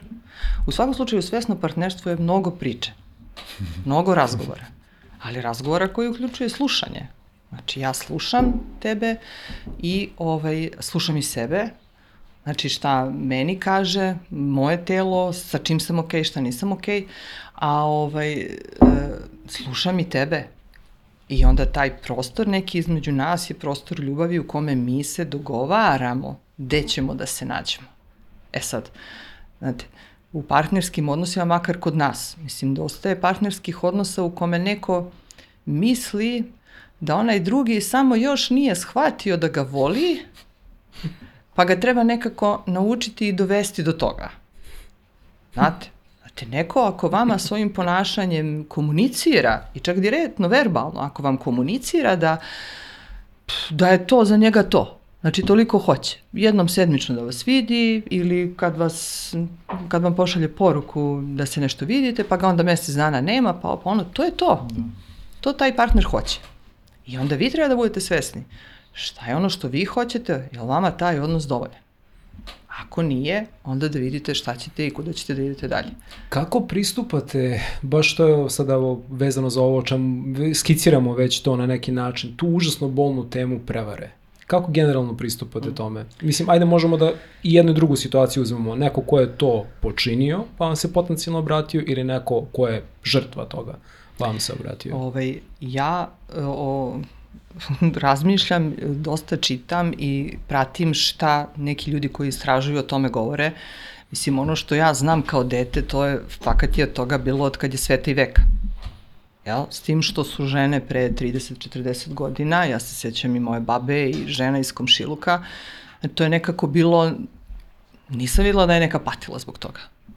Znate, e sad, uh, E, da li su te žene ono što kaže patrijarhat ih tome naučio pa su bile zadovoljne imaju krov nad glavom muža koji donosi platu kući šta ja znam mislim društvo isto imalo taj stav pa bilo je to ono kao čuti bre bitno je da, da ste da, vi gde sada razbijate brak i tako dalje čuti vrati se meni kući Pa to, to je najvažnije. Sad gde je bio, nije ni bitno. E sad šta se promenilo? Promenilo se to... To delo je kao strašan koncept. da, pa da, nije, da. to su ljudi živeli. Da, to su živeli. Međutim, da, da. ni ti muškarci nisu tome baš tako mahali time. Mm. Znači, to je nekako, ne kažem da je bilo dobro, uopšte, nego samo pričamo kako je bilo. Da, da. E, sad se promenilo u kontekstu da je sve mnogo otvorenije i da su se žene priključile i sva istraživanja pokazuju da suštinski jednako varaju svi. Sad sve zavisi kako definišemo var. Znate, za nekoga je varanje uh, E, mislim, meni tu Ester Parel govori stvari koje su negde meni bliske, u smislu da sve što mora da bude pod okriljem tajnosti, da se smatra prevarom. Hmm. Znači, šta god da je to, ako znači nije deo dogovora između partnera i samim tim nekako mora da se sakrije. Bilo kakva da je zajednica. Znači, da li, je to, da li su to partneri koji, čije su veze otvorene, znači koji su, su okej okay sa poligamnim odnosima, uh, Da li su to ekskluzivni partneri, da li su, znači, jednako prevare ima i u istopolnim vezama, znači u parovima ovaj, istopolnim i u heteroseksualnim parovima, znači gde god se okreneš, neka kriza postoji. I ono što negde, kako meni to izgleda, što kaže, to je samo moje mišljenje na osnovu nekih stvari koje sam pročitala, gde se slažem sa nekim ljudima koji to, time se više bave i analiziraju, jeste da je to neka vrsta kvazi bliskosti. Da. Mi ne uspevamo jedni s drugima da ostvarimo pravi instinski ljudski kontakt i onda se ne osjećamo ni voljeno, ni prihvaćeno, nekako nešto nam stalno fali, imamo neku prazninu osjećamo i onda u pokušaju da pronađemo i ostvarimo bliskost sa nekim tražimo to na načine koji su nam onako najjednostavniji i najprihvatljiviji. Jer ovo što Marko i ja pričam, sada ti sedneš, pa ti sad kao nešto pričaš, pa ti sad kao nešto tu se otvaraš, pa nešto deliš, to kao, brate, ko će to? Ovako ja, neko me gleda, ja malo gledam, pa... Lakše je. Ko, pa, easy. Da, e, e, zaboravili smo na početku kažemo, svesna partnerski odnos e, nije baš ona igrica koja je podešena na easy. Nije. Na, na lako. Nije, nije. Pa Tako da, zato ovaj- što zahteva prvo on neki, mislim, kad to kažu rad na sebi, to zvuči kao neki kulup koka. Ne, znači to zahteva da ja prvo upoznam sebe. Da, da, da. da, Znači, što da bih je- ja mogla da nađem partnera koji meni odgovara, e, to ima česta stvar, kao radimo sa klijentkinje, dođu, pa sad hoće traže partnera, ne znam, radiš li ti, ovaj, ali, i sad one kao naprave šta bi sve taj partner treba da bude. I kad krenemo u analizu toga šta bi sad taj partner treba da bude, To je kao ono kad biramo stan, ono na halograse nekretnine. Kraj grada, koliko ima kvadrata, Da. nova gradnja ili stara gradnja. Sad, znate, Da, da, da. sad nekad bude na spisku ovako, kao, ja želim da bude ambiciozan, da on kao bude vredan, mnogo radi i da, bude, da dosta vremena provodi sa mnom. To je oksimoran. To su dve stvari koje su praktično teško spolje. Znači, šta znači? Koliko tačno vremena koliko tačno provodi na poslu osoba koja je ambiciozna. Znači, nekada ni mi, ovaj, sad meni zato Barbie bio hit, senzacija, i Barbie i Kenny, to, toliko je nekako paralelna dva sveta, žene i muškarci, ne znam kako je, znači najviše radimo s tim parovima, ovaj, znači žive kao ono što kaže izme, između neki stakleni zid. Mhm. Niko svestan onih, onog drugog. I redko ko razmišlja o onom drugom. I recimo često ostanemo bez odgovora na pitanje ono što kaže ja, ja ponekad tako kad pitam u terapiji nekog, pa dobro, šta vi mislite, jel biste vi bili s partnerom kao što ste vi? Znate, kako, znaš, kako vi izgledate, kako vi zamišljate sebe, znaš, ono sad kao kad bih ja pogledala negde od ozgo, kakav sam ja partner? Šta ja nudim u tom odnosu? Je li dovoljno samo da postojim i dišem? Koliko sam ja iskoračila? I tako da onda, ovaj, kažem, kvazi bliskost dođe tu da popuni tu neku prazninu, ali to je, skoro sam negde napisala, zato što mi je bilo ono, prosto stvarno ono, niko srećan, niko dovoljan, što rekao ne, njegoš, znači, totalno su se svi pogubili. A šta savjetujete tim ljudima koji su, mislim, ili da kažem, počinioci ili žrtve prevare? Ili mi savjetujete kao, da li im, da li im skrećete pažnju kao taj neki apel za manjak, odnosno apel na veću bliskost koju, koju trenutno imaju partneri ili ono, druže vidi, uradio si to, doviđenja? Pa ne savjetujem ništa mislim, prvo. Mislim, vrlo, vrlo, vrlo je složeno, Da. ali kao na neki Složeno, način... ali može da se sistematizuje. Da, da, da. da. da. Uh, u pristupu terapiji prevare nije pitanje zašto je neko prevari, jer u principu razloga je bezbroj. E, Uzbudljivo je, ti partneri u prevari su nežni jedno prema drugom, e, seksualno je, ne znam, ono, zadovoljavajuće, ne znam, ima, uzbudljivo je, ima, ima, ima mnogo razloga. Veći razlog e, zašto neko ne bi prevario. I to je neki uh, deo osvešćivanja, koji su razlozi zbog kojih ja hoću da ostanem disciplinovan u ovoj vezi, uh, na koji način doživljavam sebe, na koji način doživljavam uh, svoj brak, decu, suprugu i slično. I, I ima li odnos kapacitet da se održi? Uh, da, um, Da, da. ali uh, o, uh, za ovo je veoma važan, važno da li je prevaru moguće prevazići ili nije. Mm, To je, pa to- kad zap, dođu zapravo je ljudi- to bilo moje pitanje. Tako, da, kad da, dođu da li- ljudi, to je ono što oni pitaju. O, ovi što ne mogu da je prevaziđu, oni Svakako je Da, neće svako prevazići i strani, razići će se i doviđenja. Ali da, da. tako je, terapija, prevar je u stvari terapija popravljanja, da tako kažem, ali ja volim da kažem izgradnje novog odnosa posle prevare. Da. I prva stvar koju se ljudi pitaju jeste da li će se ovo ikada ponovo dogoditi. To je jedno od centralnih pitanja. Uh, I kad uh, razmišljamo o tome, postoje različite vrste prevare. Uh, ajde da ih, da ih nekako sistematizujemo u tri. Uh, prvo bude iz, da je nazovemo nezrelosti partnera. Nekako nisam još skapirao da sam u braku ili ne osjećam se dobro sa samim sobom, uh, osjećam se bezvredno, ne znam, imam usjećaj da me žena ne vrednuje, tamo neko drugi me vrednuje i to je neki, da kažem, uh, uh, zastoj u mom ličnom razvoju koji je doveo do toga da ja prevaru vidim kao nešto što će uh, meni pomoći da se osjećam bolje sa samim sobom. Neki druga, drugi ra- razlog jeste postoje odnosi koji su stalno loši. ljudi ne umeju da, razgove, da razgovaraju, svađaju se, neko zaista zl- zlostavlja, maltretira ili zanemaruje partnera i onda iz takve atmosfere neko, neko napravi prevaru. A treći, i objasnit ću zašto najkomplikovaniji, jeste ono što je nazovemo situacijona prevara. Eto, otvorila se situacija, bio sam na Desilo službenom se. putu, malo smo popili, koleginica tu i kao eto. E, Uh, iz moje prakse, a inače koliko vidim i kolega koji se bave ovom tematikom, ove prve dve, dva razloga prevare su i moguće da se prevaziću. Uh, dakle, ponovo kažem, uh, prevazilaženje prevare je u stvari izgradnja novog odnosa sa novim ljudima. Dakle, osoba koja je prevarila je postala nov čovjek, uzrasla na neki način, ako to uspe da dokaže kroz dugotrajni proces I da uopšte percipira to kao jednu priliku za je. novi rast. Da. Da, da. Ali postoji a, ne samo teorijska, nego i praktična mogućnost da se odnos između te dve osobe izgradi ponovo na međusobno zadovoljavajući način ako oni prođu kroz te procese da je partner koji nije bio dovoljno zreo i odrastao pre toga uh, nekako konzistentno kroz neko vreme svojim ponašanjem ljubavnim uh, nesumljivo svoje supruzi, suprugu, suprugu Partneru. partneru stavio do znanja da je on da kažemo promenio svoj sistem vrednosti i viđenje sebe o njemu.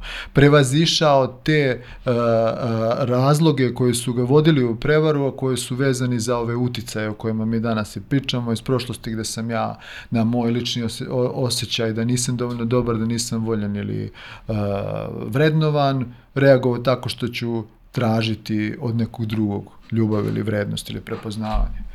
Uh, ovo, je, ovo, ovo druga vrsta je još jasnija. Ako nam je bio loš odnos i sada smo seli i uspostavili bliskost u kojoj smo se otvorili jedno drugom, rekli ko smo i šta smo i šta želimo iz odnosa, ako se dogovorimo, možemo da gradimo ponovo odnos, naravno uvijek će ta neka rana je, o, ostaviti ožiljak tu koji će se na promenu vremena zaboleti, to jest u stresu, ali postoji mogućnost da se odnos e, izgradi.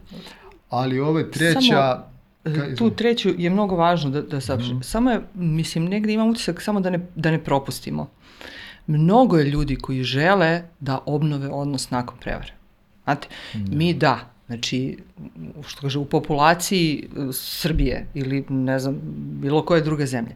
Da, postoje mladi ljudi koji su tek na početku razvijanja odnosa, ali vi imate ljude koji su 20, 30, 40 godina u braku ili u nekoj vrsti partnerskog odnosa. Znate, to je ogromna količina nekog e, zajedničkog materijala, znate, proživljenog i to.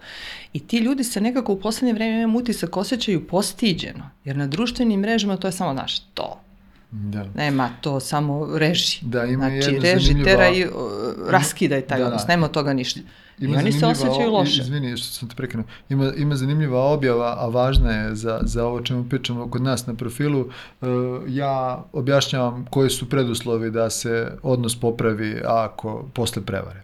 I sad, na primjer, uh, komentari su, uglavnom ima par stotina komentara, ne, nikad, nema šanse, znači, to je nemoguće i onako. A ima nekoliko hiljada lajkova na komentar koji ništa nisu iskomentarisali. Da, je- i Da, to da, je da, onako da, da, nekako da, da, da, da. meni makar mnogo važno, jer ja često sedim preko puta tih žena, pa i muškaraca, pošteno rečeno, jer sad su se svi izjednačili u tome Mm, i mislim i žene su u prilici i sve se promenilo i tako dalje. I onda oni nekako imaju utisak najviše tog stida.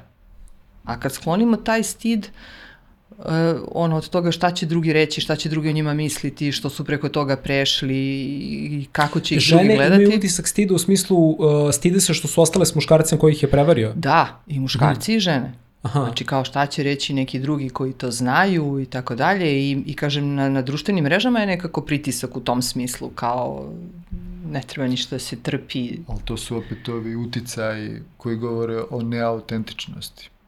Jer osoba je zrela da svojom glavom i svojom logikom proceni da li hoće da ostavi. I ima pravo. ostane- Da. Znate, ljudi imaju pravo da izaberu kako će da žive svoj život. Što kaže, it's okay to stay. Baš smo Da. juče slušali ovaj neke. Imaju pravo da izaberu i mi nekako koliko god kao živimo u nekom vremenu sloboda, mnogo je tih nekih kao kako to sad treba. Pa ovo treba ovako, pa ovo treba ovako, pa treba ovako. Ne, bre, treba svak da živi autentično, poš, poštujući socijalne neke norme, ono, u smislu zajedničkog funkcionisanja. Da ne povređujemo jedni druge, a da živimo, da svi imamo prostor da živimo to što želimo.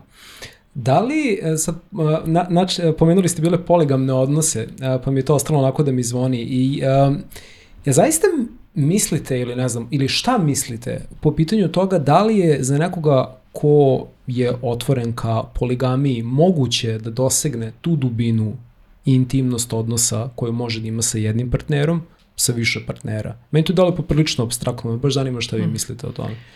Pa ja ako sretnem, ja ću da vam javim. Jer ja bih e, volila da vidim i ne želim da sumnjam. Mm. Uopšte, zato što e, imam potrebu da verujem u potrebe tih ljudi i u njihov osjećaj. Mm. Međutim, ono što sam ja do sada viđala, ali ja, što kažeš, tu je to neki mali broj godina rada, mislim, relativno i š- veliki je svet, mislim, mala sam ja. Ovaj, da su ipak razlozi e, drugačiji, znači nisu autentični Mm. i da ovaj, ima ispod toga neka muka. Znači do sada. Ne mora da znači, mislim, kulturološki svašta se menja.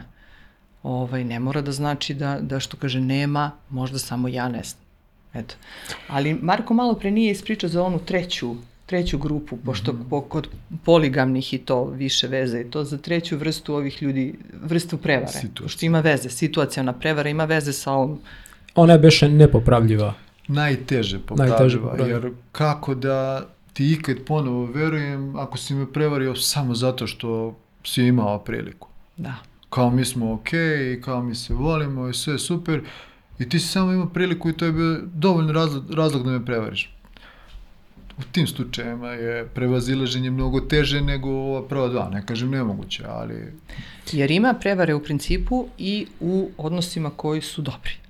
Da ljudi budu zaista u šoku. Ono kao, A da li su zaista desilo? dobri, ako je došlo do toga? Da li su zaista dobri do kraja? Znači, dobri su verovatno u nekim aspektima.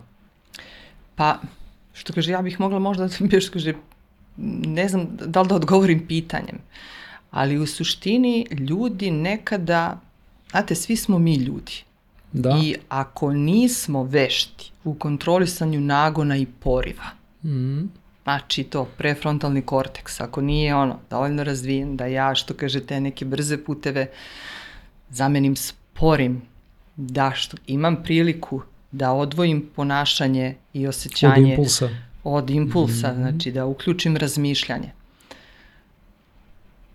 Znate, ne znam sa što da li osuditi ljude. Ja Ja nije, ne li, bih... nije li to ono što nas odvaja od, da kažem, ne volim da koristim reč, termin nižih, ali da kažem, da kažem manje razvijenih životnih formi, kao što Ja su se životinske, koje funkcionišu upravo po tom Apsolutno nagonu. slažem. Međutim, iznenadili biste se, pa mislim, ja recimo mislim da što kaže i kod, kod svakog od nas važi da za neke aspekte nemamo te spore puteve mišljenja, odnosno to gde je prefrontalni korteks uključen. Znači, gde se ne da, da funkcioniše krčkamo iz amigdale, Da.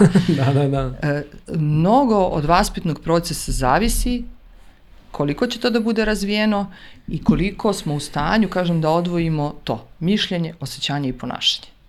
Zapravo, mislim da nas kultura i sredina u kojoj živimo vrlo perfidno stimulišu da radimo te stvari. I to je A. isto tema. Čak evo recimo, sad ne pričamo o zapadnoj kulturi koja, ne znam u kojim sve pravcima ide, ali ne dole da idu u nekim koji su bar po mom mišljenju dobri po pitanju tih stvari ali da ne, ne, ne osuđujem to, e, može nešto malo bliže ovde kod nas. Znate koliko je često onaj fenomen kad najde, ne znam, tipa sedete u taksi, sad u taksiju sedi neki onako malo, onako taksista onako, jeli mali, jel ti nešto malo sa strane? Da. Da. To je nekako postalo već uh, toliko deo tog nekog kulturološkog narativa, nekako, to je kao neka već vrednost. Kao, sma, smatra se da kao muškarac koji kao- nije veran kao je na neki način kao sposoban muškarac, on je nekako vredan, on je, on je poželjan, to Da. njemu ide neko, da, daje mu neku vrstu kredibilnosti. sam drugim ženama, dakle vredim. Ako Da. smem da kažem, mislim da se niko ne bavi jednom mnogo važnom temom, a to je da postoji veliki broj muškaraca koji su već u odmaklim godinama, 30, 40 plus, koji nisu imali seksualne odnose. I ja ne bih o toj temi, ali bih volela da kolege druge koje rade i imaju više iskustva u radu, što kaže mi ovaj, srećemo. E, znači, to je neka zanimljivost. Da vi imate jako puno žena koje nemaju partnera i nisu imali partnera. Ali imate s druge strane i ovo o čemu se ono, apropo toga, kakvu mi imamo sliku muškarca kakav bi on trebao da bude, mm. a da u stvari imamo ispod na, u praksi boga mi i drugačijih primjera. I to mnogo. I onda je to nekako, opet mislim ono što smo pričali o svesnosti, da mi ni kao društvo nismo svesni problema koje imamo. Ja stvarno mislim da ovo što pričamo mi o partnerskim odnosima, mislim prvo to se odražava ono i na potomstvu. Meni bi recimo da sam ja država, sad ja što kaže personifikujem državu, ali nisam, ali meni bi to bio ozbiljan problem. Bavila bih se time na bilo koji način. Da, da, kako, koju mi vrednost prenosimo Da. sledećim generacijama? Koje kao su kolektiv? to vrednosti? I nije bitno, ne mora svako, naravno da ima, ljudi ne žele decu i to je apsolutno u redu. Međutim, nekako neke ozbiljne, neću da to kažem patologije, ali ozbiljne nesreće se podvuku ispod radara dok se mi bavimo nekim stvarima koje su takođe su problem. Ali znači da bismo imali sliku sveta tačnu, mnogo je važno da ga sagledavamo u celini. Dok pričamo o poligamnim odnosima sad i opšte temi prevare, a, ne mogu da se ne setim a, čuvenog Richarda Baha i njegove knjige Most preko večnosti. I to je, tako je, tako je fenomenalno o- o- opisana ta problematika, jer on je čovjek bio pilot i mislim da on u toj knjizi baš, on malo je onako i autobiografskog tipa. I on sad opisuje njegovu ljubavnu vezu koju je imao sa glumicom, zaboravio sam kako se zove, ali ovi, suština je u samoj priči i u poruci. E, pošto je on bio pilot i čovjek koji je često leteo, s njom je krenuo da gradi neki emotivni odnos, ali s vremena na vreme, svaki put kad bi se približili to jednoj mogućnosti da odnos prodube, on joj je govorio, vidi, ja sam pilot, ono, često letim, meni je moja sloboda bitna, znači ja sam, ja sam, ja sam svoje, svoje biće vezao za nebo, ja hoću da letim, ja hoću da idemo vamo, hoću da idemo vamo, hoću da budem i sa ovakvom ženom i sa ovakvom ženom, kao to što je s tobom je divno, ali kao, nemoj da mi uskraćuješ moju slobodu. I ta žena je dosta godina provela s njim, nekako poverovalo mu je u smislu da je njemu to jako važno, da to ima nekog uzvišenog smisla. I osjećala se kao, bože kao pa kakva sam ja kad jednom čoveku koji je tako slobodan kao ptica želim to da uskratim. Ali onda jednom, onako, to je trajalo neko vreme dok ona sam jednom trenutku shvatila da tu nešto nije u redu. I onda mu je napisala jedno pismo. A u tom pismu mu je rekla po pitanju poligamnih odnosa, um, bukvalno možda najlepša analogija koju sam ja ikada čuo. Kaže, uh, ti meni kažeš da hoćeš slobodu u tim tvojim, i da za tebe sloboda znači da budeš sa više partnera.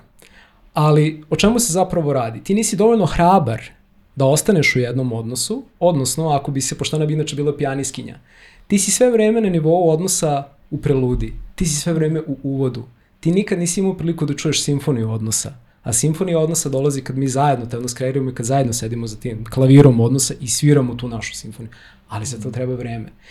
I bukvalno I kaže on zapravo kad je, kad je dobio to pismo, onda mu se srušio ceo taj njegov koncept jer je zapravo uvideo koliko je to bila istina. Koliko jednostavno se ljudi zadovoljavaju stalno tim inicijalnim fazama, tim otvaranjima. A zapravo, partnerski odnos, posebno ovaj koji je svestan o kom mi danas pričamo, je simfonija. Pa to jeste jedna sjajna metafora.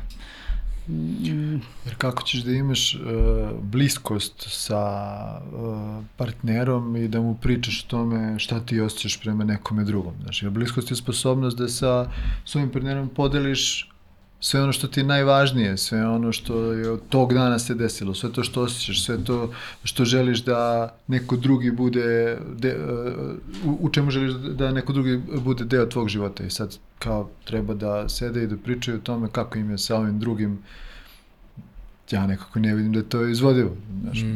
Da, možda nekad kad su postojali haremi, ali to su, znate, To ljudi su pričaju o tome. odnosi bez To, bliskosti. Da, to je ono, ti tu sediš, čekaš, ti si, da kažem, neka vrsta aparata za reprodukciju mm -hmm. i za zadovoljenje želja i mislim mnogo se ljudi nekako ono vraćaju i pozivaju na istoriju. Da, kod svega ovoga što mi pričamo o prevari univerzitetu i tako dalje, biologija ima veliki udeo.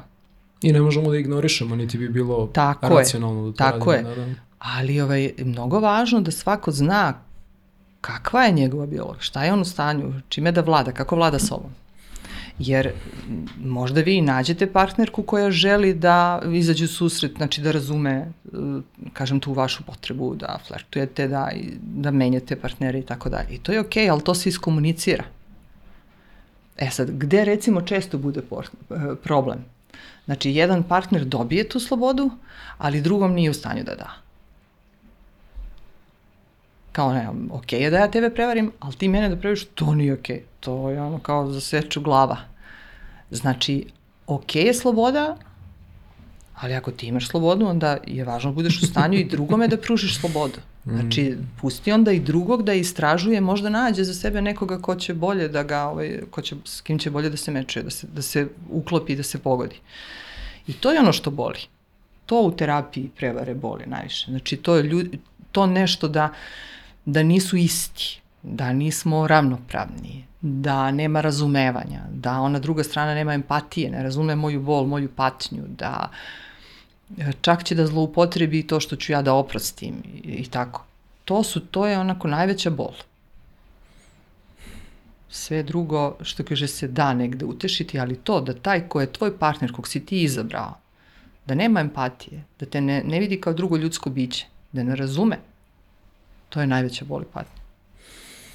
Dolazimo tu malo i do pojma ljubavi, kao ovaj suprotnost, nažalost, ovaj toj patnji i strahu u kom ljudi često žive u odnosima. Uh, Marko, vi ste pomenuli, pričali smo malo bili i o ljubavi, a volio bih sad još malo to da, da, da produbimo tu temu, šta u stvari za vas predstavlja ljubav. Uh, kad razmišljamo o toj temi, uh, setim se isto ove čuvene knjige Put kojim se ređe ide od Scott Pecka i on tu baš kaže onako sa svim svojim tim naučnim uzdržavanjem po pitanju toga da treba da da definiciju konačno ljubavi. Kaže, e, ljubav je bar po mom mišljenju volja da sebe proširimo kako bismo potpomogli sobstveni i tuđi duhovni razvoj i sazrevanje. I ja sećam se da sam pročitao to i mnogo mi se dopao kontekst koji je on dao ljubavi, a krenuli smo već da skiciramo tu temu kao jednom aktivnom fenomenu. Znači, ljubav nije reč, ljubav je delo. To što ja nekome kažem volim, to, to ništa ne znači. Da. Ja ljubav demonstriram.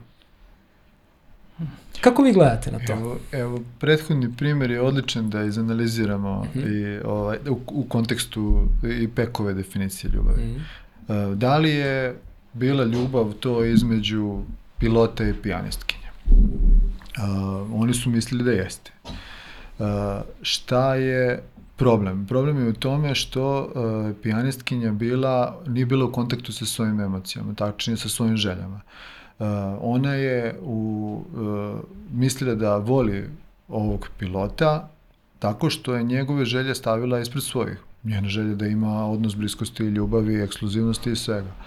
Uh, zašto?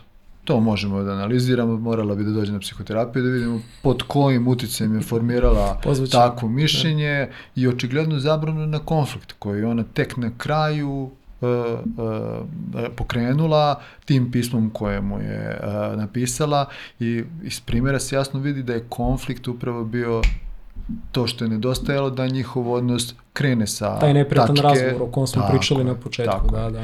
Ljubav je ono što se gradi kroz konflikte. konflikt je, svaki konflikt je konflikt želja.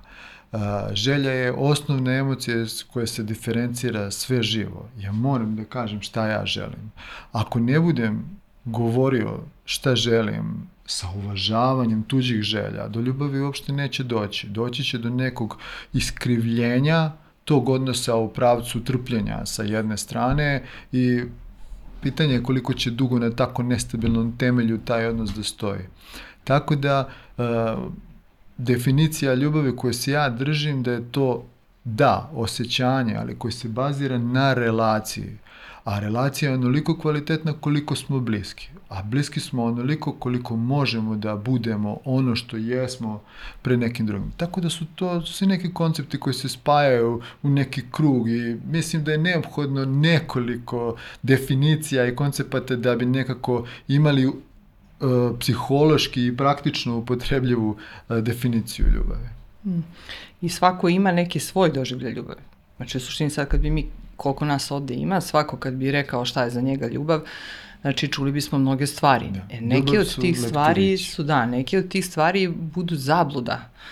Ovaj, neke od tih stvari onako, i mnogi ljudi žive zabludu. Da, zavist, ljubomora, to Tako sve ljudi je. nazivaju ljubavlju. Da, da, da. Pa, Da. da, i, ovaj, Posesivnost. i Čak i mešaju. uznemirenost. Mnogo ljudi da. meša uznemirenost i ljubav. Kao kako je to ljubav bila, a nisam mogao da spavam noćima.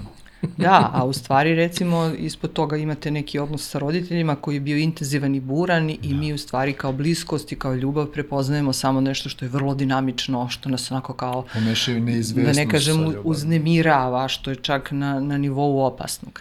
Borbu, borbu za osjećanje voljenosti sa ljubavlju. Kao, stalno se trudim, to je ono što zovu anksiozni attachment, verovatno je spominjano ovde za ovim stolom, ako Mhm. nije, ako dolaze psiholozi, pričat će o tome, ali to je jedna još od zabluda vezanih za ljubav. Da. I onda ovaj, ljudi, kažem, tako često misle da je ljubav nešto i u toj nekoj zabludi u nekom trenutku dožive razočarenje. Naravno. I to bude onako jedno otrežnjenje. I sad kao neko nije bio ono što su oni mislili da on jeste. Ali ključna stvar je tu, ja sam mislio da neko jeste. Nisam gledao šta ta osoba jeste. Mm. Nisam pratio u realnosti šta ta osoba radi, ko je ona, ko je zaista. Nisam slušao, možda mi je ta osoba i signalizirala. Možda je ona na neki način i pokazala kakva jeste. Ali, ovaj, ja sam nešto mislio. Znači, ta ljubav za koju sam ja mislio da je ljubav, to je neka moja imaginacija. To u stvari nije ni postojalo. I onda ove, ljudi vrlo često pate i onako muče se, a u stvari opet to na neki način to da smo mi u zabludi o tome šta ta osoba preko puta nas jeste, da nećemo da je vidimo takvim kakva ona zaista jeste, to je u stvari takođe neka kočnica ka bliskosti. Ne znam, recimo, e, Marko i ja kad smo se upoznali, e, ja znao on svira gitaru, ali to kao band, ovo ono, to To nisam prijavio.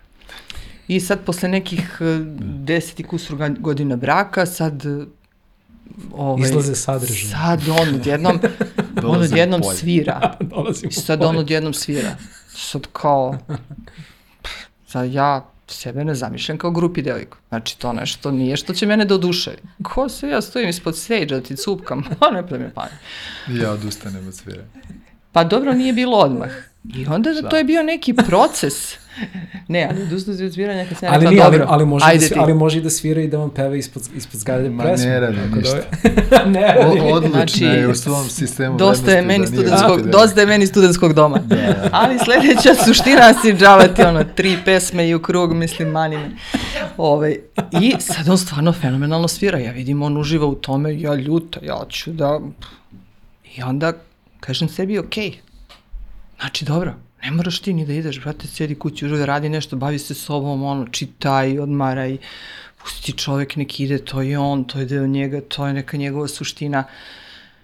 A, taman ovaj, ja kad sam to razrešila sa sobom, znači da vidim tu osobu ko ona jest. Znači dobro, to što ja nisam videla neke delove, ne znači da ne postoje. Ko zna šta ćemo ono što kaže, živimo, rastemo zajedno, ko zna šta, šta ću ja o sebi saznati sve još u svom životu. Znaš, kaže, možda počnem skijam sa 50 godina, 60, ne bih. A, tu ti obećavam. Da. To je, to je razvojno. Ovaj, I onda, onda taj odnos dobije drugu dimenziju. Znate, jer mi u partnerski odnos uđemo i ljubljavlju tumačimo da neko bude nešto što mi hoćemo. Ne, taj neko je već nešto. Znači, imaš li raspoloženje da vidiš ko je ta osoba i da se s njom nađeš, znači da sedneš baš sa tom osobom konkretnom, ili nemaš, to je pitanje. I to je ono što, i malo pre sam u jednom trenutku rekla, gde, gde ja, gde je moj kraj, gde ja, znaš, dobro, stani tu, stani tu i sačekaj tu drugu osobu. I onda u isto vreme čovjek ima mogućnosti za neke svoje unutrašnje procese. Šta ja to sebi branim? Šta ja to, gde ja to ignorišem moje unutrašnje dete i njegove potrebe? Šta ja to volim? Gde je moja neka kreativnost? Gde su moja neka polja gde ja mogu sebi da zadovoljim? Znači, ta reakcija na to je bila i neki moj sadržaj. E, tu počinje bliskost. Bliskost i sa sobom, a onda i sa tom nekom drugom osobom. Uf, čoveče, sad tu, tu ste, na, pokrenuli ste tu temu i ba, ba, baš sam se set, kontemplirao sam bio o tome kao koliko često kad ulazimo u vezu se zaljubljujemo ne u osobu koja je pred nama, nego u osobu kako bismo mi želeli da ta osoba bude. Znači mi zapravo nismo sa osobom koja je pored nas. Nismo.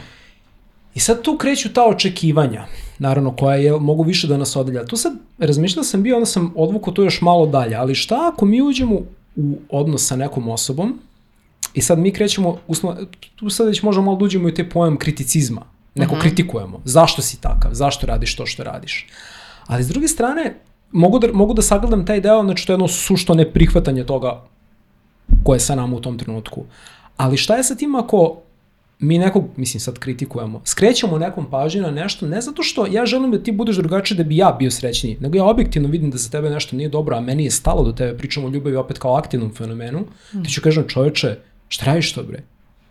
Kao, postani bolje, na neki način stimulišem tog čoveka mojim savetom, odnosno mojim neprihvatanjem toga kakav je on u tom trenutku, da napravi neku pozitivnu pomenu ili da pogleda neki deo sebe koji možda neće da gleda ili ne može da vidi sam. Pa to se uklepa u bliskost. Da. Ja o tebi mislim da... Mislim kao, možemo da kažemo da... pozitivni kriticizam. Ma, ma, malo je paradoksalno, ali... Nije, ovaj... nije, pozitivna kritika postoji. Da.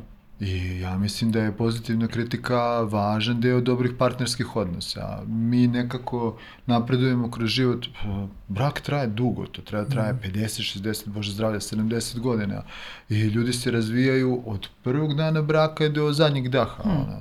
Uh, ja znam koliko smo mi napredovali u zadnjih, ne znam, 5, 10 godina, tek verujem da ćemo napredovati i kroz 60. i 70. godine. Mislim, zašto da ne? Što je drugačije od onoga što se kod nas negde podrazumeva, da kao ti do nekih godina živiš, onda čekaš da umreš.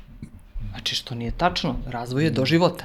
I mhm. onda kako drugačije da, uh, ko će ti dati bolju smernicu od nekog ko 24 sata dnevno živi s tobom. Kao, grešiš tu, mislim da to nije okej, okay. mislim da grešiš, mislim da uh, tu ne koristiš svoj potencijal. To su sve uh, vrlo kvalitetni, uh, vrlo kvalitetne smernice informacije kako ću ih ja primiti, e, zavisi od moje emocionalne pismenosti. Pa i od načina na koji su rečene. Naravno, pa da, okej. Okay. Da, namera, namera da. iz koje dolazi Mislim, ta kriticizam. priča o očekivanjima jeste malo onako kao sad, mogu li da nemam očekivanja? Znaš, kao da postoje samo dve opcije, ili ih imam ili ih nemam. Mm -hmm.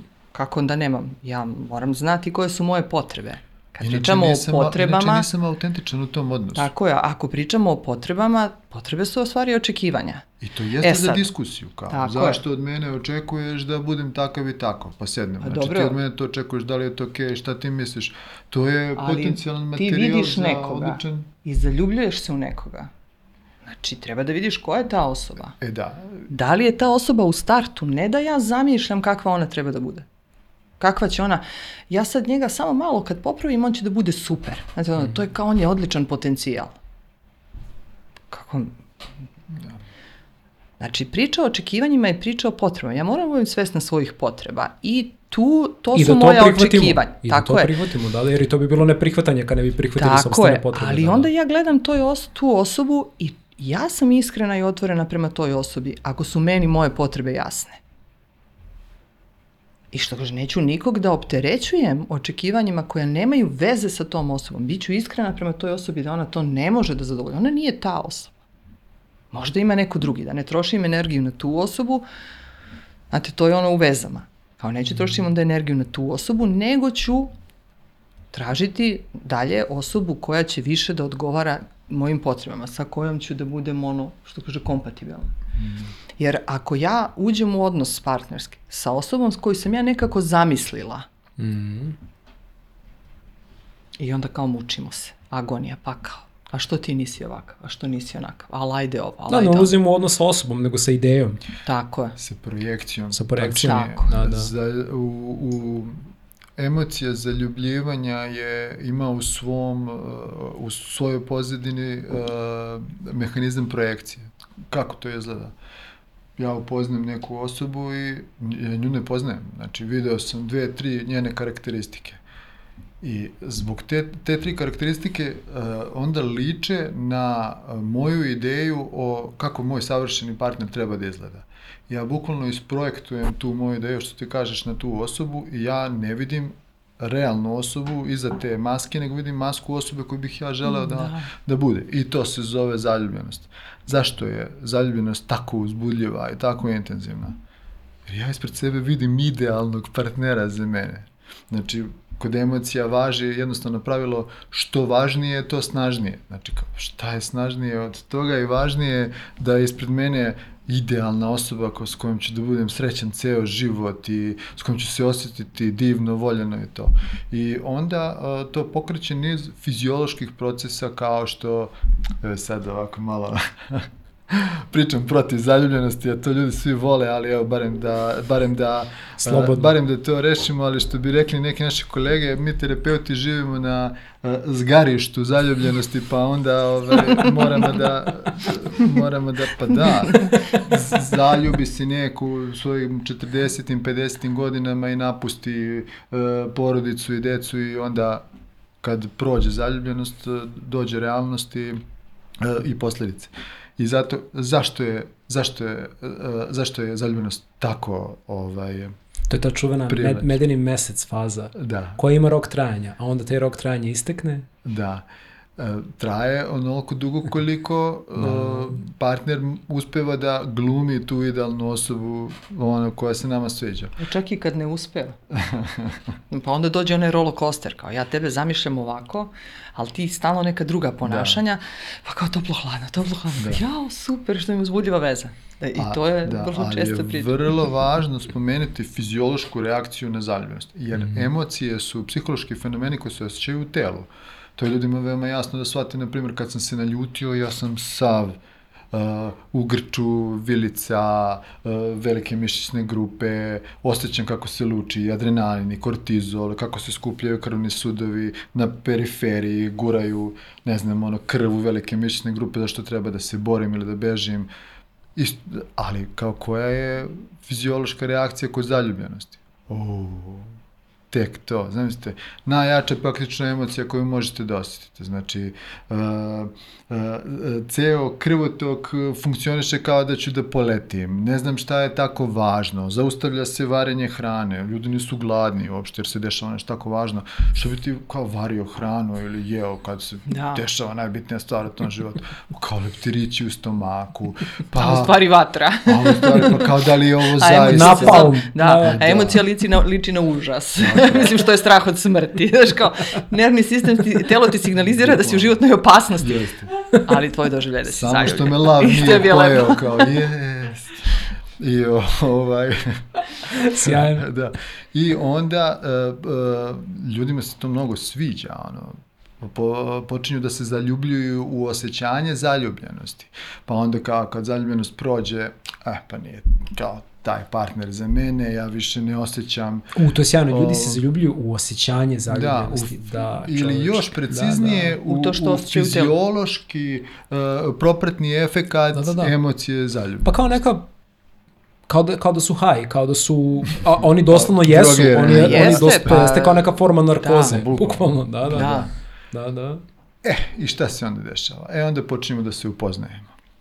I onda E, zato mi kažemo, e, nije naš koncept, ali, ali je sjajan, e, da je zaljubljenost prva faza ne ljubavi, nego razočarenja. Jer to je ona kao očaran, pa razočaran i onda smo mi onda u onom uvodnom razgovoru pričali šta bude kao kad počnemo da se upoznajemo i kad se razočaramo, e, onda je moguće da bude ljubav onda se zaista upoznajemo, onda zaista se otvaramo jedno prema drugom, onda zaista sednemo pa se dogovaramo kako će nam izgleda odnos i krećemo da gradimo odnos ljubavi. Mm. Ako bude neki leptirić tu i tamo nije loše, dok smo, ovaj, dok smo realistični. Pa dobro, zato što ljudi misle da iz tih leptirića zaljubljenosti proizilazi samo i seksualna privlačnost i to sve da. kao... Međutim, nije to tačno. Nije, ja, ja ostavim Intimnost je ono što... dan danas. Intimnost je ono, bliskost je ono što... Zbog onog što smo postigli, zbog Tako raznih je. stvari koje imamo, zbog života koji smo uspeli da izgradimo. Tako je, E, ta- To je, ono, skoro podjednako uzbudljivo. Pa i... ako ne i više. Pa da. Mislim, zato što se osjećaš sigurno bezbedno i zato što onda, što kaže, to je neko polje koje je, ovaj, nije pod pritiskom i pod tenzijom. Ste prošli kroz fazu stapanja u jedno? To moram da pitam, Mm. mislim, zato što me, meni se to dešava često sa, sa mojom suprugom. I ovaj, baš što, što, što, evo, to je pozdrav, pozdrav, pozdrav za suprugu. Sad smo odvojeni, trenutno, ovaj, inače, kad se probudimo smo jedno. Zajedno, tako da, ja sam da je Ovaj, hteo, sam, hteo sam da kažem da u tom jednom, u toj jednoj tendenciji ka dubini i ka bliskosti, bukvalno, ja, ali bez preterivanja, osjećam da dolazi do, do stapanja, Da, da. gde je u jednom trenutku Konfluencija, što gu, gu, zove. gubi se granica i onda se kao čekaj, pa čekaj, stana, ne, ali mi smo i dalje odvojena kao dva bića. I onda se kao, ali to je kao da se vratim u razum, a ovo je više stanje bića, a onda je razum tu koji ponovo to odvaja, a onda se opet vraćamo u stanje bića koje je objedinjeno. To delo je zastrašujuće kad se desi prvi put, a onda delo je kao jedna toliko, takav jedan blagoslov, mogao bih da kažem, da mi možemo to da doživimo sa drugim ljudskim bićem koje je odvojeno od nas. Hmm. Da se stopimo na tom jednom ni- nivou bića u to jedno. Baš me zanima kako to izgledalo kod vas. Pa, Pa, simbioza, simbioza, Mi smo nešto odnosno odavno svesni tih u koncepta. partnerskim odnosima, da, može da bude i patološka. Znači, gde partner, e, svaki od partnera na neki način otpisuje neke svoje Tako kapacitete, sposobnosti Svoje i tako želje. dalje, svoje želje, ovaj, i potrebe vrednosti. i vrednosti. I ne može to dugo da opstane. Znači, I onda se uđe u neki zajednički, u neki odnos koji je, znate, to ste primetili sigurno barem za često. jedno nezadovoljavajuće. Pa recimo žena bude češće kao majka. Da. Aha, sad, sad Preuzme pričate znači, o figuru. stapanju gde neko zanemaruje nešto da bi održao tu kao neku zajednicu. Tako je. I ovaj, ako se ta faza ne prevaziđe, Mhm. ako tu ne dođe do tih odva, do odvajanja, što kaže, Da. iz tih nekih veza simbiotskih koje Mhm. e, nisu autentične. Znate, ovaj, onda možda nikad i ne dođe do svesnog i autentičnog odnosa. E sad, mi smo to polako usput prevazilazili. Mislim, prosto je ono malo, znate kako, nekada kad su deca mala, sasvim je prirodno da neke stvari koje majka čini za decu, pa sad muž preuzima neke uloge, nek, što kaže, učestvuje u psihičkoj energiji na neki način, ali ovaj, onda posle toga je sasvim u redu da, ovaj, da nadoknadi supruzi to što je angažovana i aktivna oko dece, ali onda kasnije to ovaj, dođe do odvajanja. Uh, neodrživa je ta konfluencija ili simbioza na dug rok. Uh, zašto? Zato što uh, svi ćemo mi imati gomilu zajedničkih vrednosti, zajedničkih ciljeva, zajedničkih stvari u kojima uživamo, ali ako zanemarujemo sobstvene potrebe, sobstvene želje, te neke nijanse koje nam odgovaraju, počet će da se uh, zida nezadovoljstvo u nama.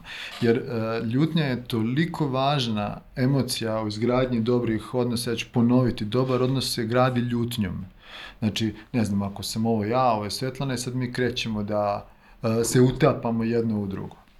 Uh, to utiče na to utiče na sve vrste uh, odnosa i ovaj problem je u tome što je neophodno da se naljutimo da bi ljutnja onda je emocija kojom popravljamo naše granice. Ali kao da onda sledeće vezivanje postaje još dublje. Znači, da, udvojili ste se, zato što razdvojili je ste se. svesno. I onda kao da svako to sle, sledeći stupanj tog povezivanja postaje sve dublji, Tako je. postaje nekako sve... Zato što postajemo svesni potreba bliski. jedni drugog i samim tim bliski. Jer kad je ta simbioza na neki način patološka, kad je neadekvatna, kada je, uh, ona u stvari ne zadovoljava naše potrebe. Jasno. I mi nismo svesni autentičnih potreba jedno drugog, nego zadovoljavamo neke potrebe koje bi mogao da zadovolji neko treći, peti, ili je trebao da zadovolji. Roditelj, recimo, ili sestra, brat, nebitno. A mi ako smo svesni svojih potreba, što smo svesni potreba jedno drugog, onda je naravno odnos puniji. Jer smo u stanju da zadovoljimo svako svoje potrebe, a onda da zadovoljimo i potrebe odnosa. Jer opet kažem, to su različite stvari. Jasno. I sad, ako ja ne zadovoljim neke svoje potrebe, ne znam, ja volim da pišem, ne može on sedeti pored mene dok ja pišem. Šta će on da radi? To ne, nema tu ulogu. Ali onda dođe spajanje kad ja poželim da podelim to, taj sadržaj. Ili, ne znam, Marko radi nešto što je njegova potreba, što on voli da trči, ne znam, ovaj, da ide da trenira i tako dalje. I onda je neki trenutak deljenja, kada svak zadovolji svoje potrebe, onda ima taj trenutak deljenja nečega što je nama zajedničko. Što kaže, uživanje jedno u drugom kad su nam potrebe zadovoljene. Ja onda zadovoljavamo potrebe odnosa. Jer struktura i vremena, što kaže Svetlana, je veoma važna za, za mm. zdrav in, intrapsihički i intrapsihički odnos, jer uh, svi mi imamo potrebu za povlačenjem, što kaže Svetlana, za uh, vremenom da se regenerišemo od odnosa, da razmislimo sami sa sobom, sa svako to radi na svoj način, ja volim to da radim dok trčim i razmišljam, Svetlana dok piše, sa svako na svoj način.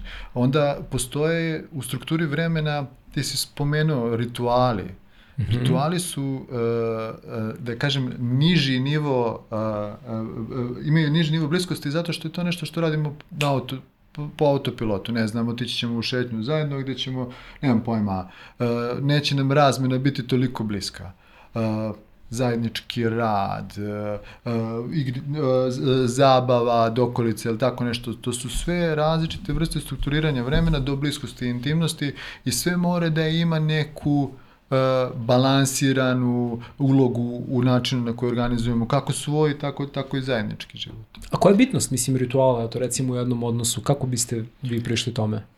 Pa evo, put, mrt, put mrtvi smo umorni, na primjer radili smo ceo dan, nekako je bio težak dan, bio neki, bili, bili su teški razgovori, e, čuli smo neku priču zbog koje smo onako sami imamo potrebu da složimo svoje misli i emocije, nije vreme da nešto sad posebno ovaj, kao, ne, ne možemo, nismo u, u tom trenutku u stanju da imamo razmenu na nivou koju želimo između nas. I mi imamo ritual, recimo da popijemo kafu dok ćemo, ne znam, pročitati ono nešto zajedno ili ćemo prošetati uh, ili ćemo gledati, ne znam, on nešto na Netflixu. To je vrsta rituala. Radimo nešto zajedno, ali uz manju razmenu. Mm -hmm. Znači, tu smo, ali u principu i nismo toliko. Ja, što je opet pitanje svesnosti. Uh, onda ako je, što kaže, ako je trenutak, mislim, rituali su mnogo značajni. Mm -hmm. To je recimo ima video sam tamo, da recimo ako vi možete da obezbedite bračnom paru ili partnerima, da se ujutru pre posla poljube, pozdrave, da, da se ono pogledaju u oči, što bi se reklo. Da kad dođu s posla da se zagrle, poljube, da se pozdrave. Da ako popodne imaju jednu kafu, ne znam, ono, da sednu 15-20 minuta, popiju kafu, pričaju i da uveče provedu jedno, nekih ono 15-20 minuta, pola sata, tako što uh, što že ne mora biti intenzivan razgovor, ali upućeni jedno na drugo. Ne znam, masiraju stopala jedno drugo, zagrle se, znači imaju neki trenutak bliskosti intimnosti da se osete, kao taj brak može da se spase. Mm. Znači, Kao neke male stanice se, svesnosti na dnevnom nivou. Ritualima bukvalno. se upravlja u skladu ovo što mm. Marko kaže sa energijom koju nosi neko od partnera. Znači, onaj koji nosi više energije u tom trenutku, on će malo da preuzme. Ali i ako partner ima neku potrebu, Znači, ne znam, ja hoću da podelim s tobom, nešto mi je mnogo važno da ispričam. Znači, meni bi značilo da danas ova kafa bude ono, da me, da me odslušaš, znači ne, imam neko deljenje, kao ne, ne, nešto bih volao da podelim s tom, zanima me šta misliš i tako dalje. Ovaj, Marko i ja dosta šetamo. Mislim, suštinski mi provodimo jako puno vremena zajedno. Ovaj, mi provodimo pa svoje. imamo te, da. ali, ovaj, ali, ali radimo, da. radimo da, i odvoj. ovaj, Mislim, I, to, mislim da to liče na nekog. Da. I to je, da, sve ima ovo što sam rekla. Da, I da. kafa, i neki razgovor i tako dalje. Mada mislim, provodimo vremena s drugim ljudima i sa decom i to, znači da. to je. I ima svako svoje neke aktivnosti. Mislim, tako da da, svo neko slobodno vreme, pošto je nama odnos visoka vrednost, mm. onda mi ga zaista provodimo i u, i u tim ritualima između ostalog. vi ste evo lep primjer partnerskog odnosa, tu je jedna, jedna od cjerki, danas ode sa nama, koja može da uči iz tog primjera. Ali ne samo da zanemarimo taj svet u kom živimo, u kom, nažalost, luksuz jedno zdrave sredine, jedne zdrave familije postaje sve ređi i ređi i ređi. Kako možemo, mislim sad u nekom praktičnom smislu za ljude koji bi slušaju, da stremimo tom jednom svesnijem odnosu ako nismo imali neki direktan primjer od kog to možemo da učimo, kao što su mm. recimo roditelji? Da. Da. Primjeri su dobra stvar. Ovaj, ja volim onaj citat iz Svetog pisma da je dovoljan zrak da razgoni tamu. Jer da, u tami uh, loših primjera, uh, nečega što ja zovem krizom mužestva, uh, nekako mislim da današnje generacije je redko ko imao priliku da vidi ne znam, oca, kuma, komšiju, nastavnika u školi, učitelja, bilo koga koji je bio pravi primjer onog svesnog domaćina, muža, supruga, oca, uh, koji je bio tako inspirativan da bi momak rekao kako je ovo, kako je ovo čovjek, ja želim da budem baš ovakav. Da, želim da se ljudi pored mene osjećaju ovako. Da. Mm. Uh, I primjeri su redki. Na psihoterapiji se najveći broj ljudi preispita ove stvari i traži neki svoj modus kako će postati takav, uh, takva osoba. Uh, ja sa, kad radim sa, sa muškarcima, mladim momcima posebno, ja pričam s njima o tome da zamisle kako izgleda barem u svojoj glavi ta osoba koja je stub jedne porodice na koju uh, žena deca mogu da se oslone, da ima snagu da emocionalno uzemlji višak emocija, da je prisutan i topao, uh, da predstavlja um, vrednosti koje živi uh, svima se svidi. Ja još nisam upoznao čoveka koji ne kaže kao da, to su moje vrednosti. Uh, sam uopšte nije razmišljao o tome zato što nije ni video. Mm. Uh, ali čim neko poče da razmišlja o tome šta me muči, kakav ja problem imam, krenuće da razmišlja o tome i verovatno doći do toga da mu fali baš tog mužestva u njegovom, u njegovom životu i, i vrlo brzo, barem mi ljudi na Balkanu, stajemo na noge i postajemo to što želimo, jer nekako ipak nismo mi daleko odmakli od tog nekog E, pozitivnog korena za koje ja verujem da je, da je nekad postojao. Kako biste definisali neke od tih glavnih vrednosti? Dakle, časnost, iskrenost, otvorenost, stabilnost, stamenost. Da. Ja nekako zamišljam to kao gromobran u sred nekog uh, onako uzbudljivog, živog e, prostora u kome živimo svi, e, koji može da primi sve emocionalna pražnjenje na njega, da to u zemlji, u zemlju sprovede i mhm. bude oslonac, da višak emocija ne utiče na uh, ljubav i bliskost i lepotu dana koja se tu živi. Bukvalno da može da bude oslonac koji može da primi uh, uh, probleme dana. Dnevne udarce, možemo tako, da kažemo tako, tako da. da, da, da. Da. ja, da, da. zamislila sam se. ovaj, pa, ja bih rekla da je odgovornost neka reč ključna. Mm.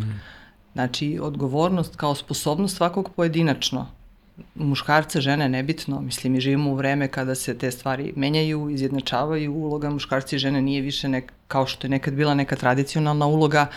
S tim što ja uvek kažem, ja mislim da mi ne dozvoljavamo ljudima da žive ono što oni hoće što su njihovi izbori. Jer recimo nama se jave nekad žene koje žele i dalje da imaju tu svoju tradicionalnu ulogu. I zašto ne? Ako, što kaže, može to da uskladi. Uh, ali što kaže, mnogo je žena koje su obrazovane, mi smo poslali devojčice u škole, one su se školovale, ne mogu one više živeti na način na koji se živeo, živelo nekad. Znači, prosto one imaju neke uvide, saznanja koji su mnogo drugačiji.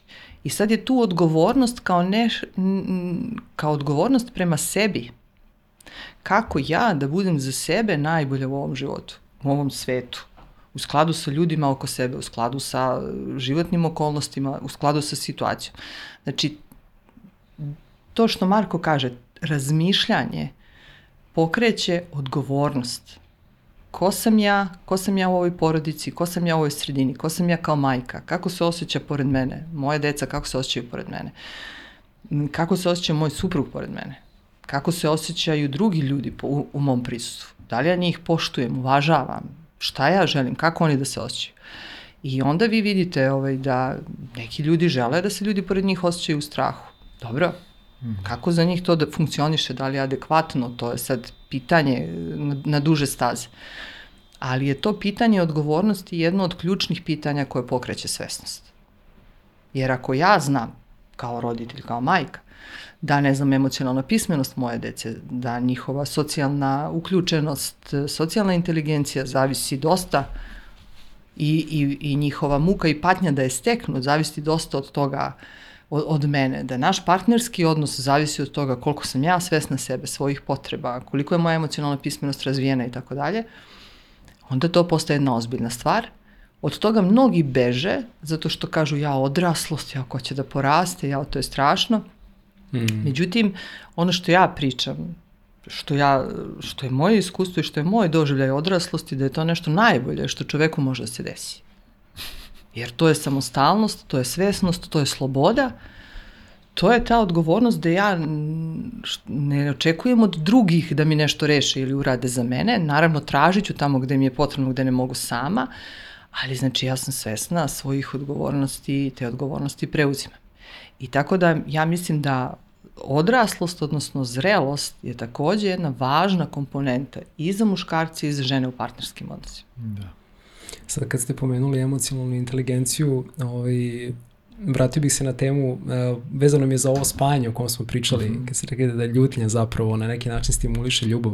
Baš u tom nekom procesu i u toj nekoj, jel, našem, uh, toj emotivnoj avanturi s drugim partnerom, ne možemo da ne pomenemo taj značaj granice, jel, kako mm -hmm. postaviti granicu i šta to uopšte znači, pa bih vas pitao sad, či na koji način, prvo šta je zdrava granica, na koji način možemo da je postavimo, a da to ne deluje kao neki akt sebičnosti ili apatije, mhm. recimo. Mm -hmm. Da, da upravo to uradimo na način koji je svestan i da partner toga bude svestan, a da se ne oseti odbačen ili kao, jo, evo ga, sad mi lupio mi je da. onaj stakleni zid o kojoj smo pričali.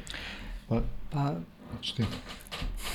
što kaže, kako, kako se odboje. Mogu, sve jedno, mo, možete, Evo, na primjeru da roditeljstva nešto o granicama i o sebičnosti. Recimo, vi imate mladu majku i imate mladu majku koja je svesna potreba svoga deteta, ali je svesna i toga da se ona umori, da je potrebno da odspava, koja će da traži od supruga, pridrži dete pola sata, idem samo u kuhinju da popijem kafu, idem da se istuširam, da prem kosu i tako dalje. I ta majka, kad zadovolji tu svoju potrebu, ona se srećna vrati detetu i dete je zadovoljno jer vidi zadovoljnu mamu i kaže, aha, bezbedan sam, siguran sam. I imate majku koja grca pod teretom osjećanja krivice, koja ne spava, koja non stop radi, koja sve mora da bude ovaj, ono, pod neki njen konac, kako je ona to zamislila, a, i da svi drugi budu podmireni, ali ona apsolutno nije svesna svojih potreba. Niti mm. potrebe za snom, niti potrebe da jede na vreme, niti potrebe, ništa i ništa ne traži.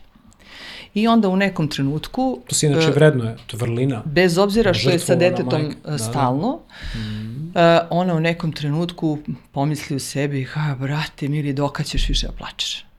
I onda dete vidi nezadovoljnu majku i više nije mm. sigurno da li da traži nešto ili da ne traži i polako postaje ono kao kažu ljudi mirno dete. Mm. Kaže ona je baš mirna, ona ništa ne traži. E sad vi meni kažete, šta je sebičnost? U ova dva primera.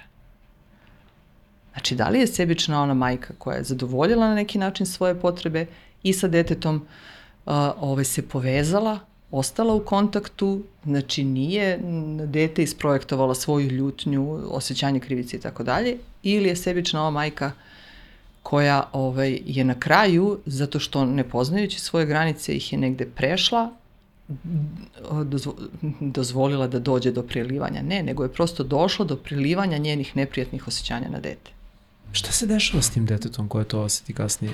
Koji, pa ono koji, misli koji da je neadekvatno, ono? vrlo često, verovatno, ako se to ponavlja, zaključi da je neadekvatno, da nešto s njim nije u redu, da nešto s njegovim potrebama nije re, u redu i moguće da ako se ponavlja, zaključi da ono treba da reguliše osjećanja svoje majke. Mm. I to vam je isto u partnerskom odnosu. Znači ja radim sve za mog partnera, ono, što, ovaj, kako kod nas kaže, samo molim te, ne da budem gladna. Znači ja ne sam da budem gladna, Mislim, ljuta sam kako sam gladna. Moram, ovaj, moram da ih hranim znači, svesno. ja, mo, možeš da me formisiraš do neke granice, ali znači granicu neku imam, znači moraju svoje potrebe da se vodi računa o svojim potrebama. Ja ne mogu da budem svesna u partnerskom odnosu ako nisam svesna svojih potreba. Evo, Svetlana je super ispričana na primjeru majke, da pokušamo i za slušalce da pojednostavimo malo taj abstraktan pojam granice, šta znači kao mm -hmm. neću da uh, čuvam svoje granice uh, u, par, u, u partnerskim odnosima. Uh, možemo da zamislimo uh, ovako. Uh, u mom partnerskom odnosu ovo su stvari koje partner mora da ima i da radi. Znači, to je ono must have. Ovo su stvari na koje nikako ne pristajem, znači to ne smije da radi. I onda imamo neku zonu.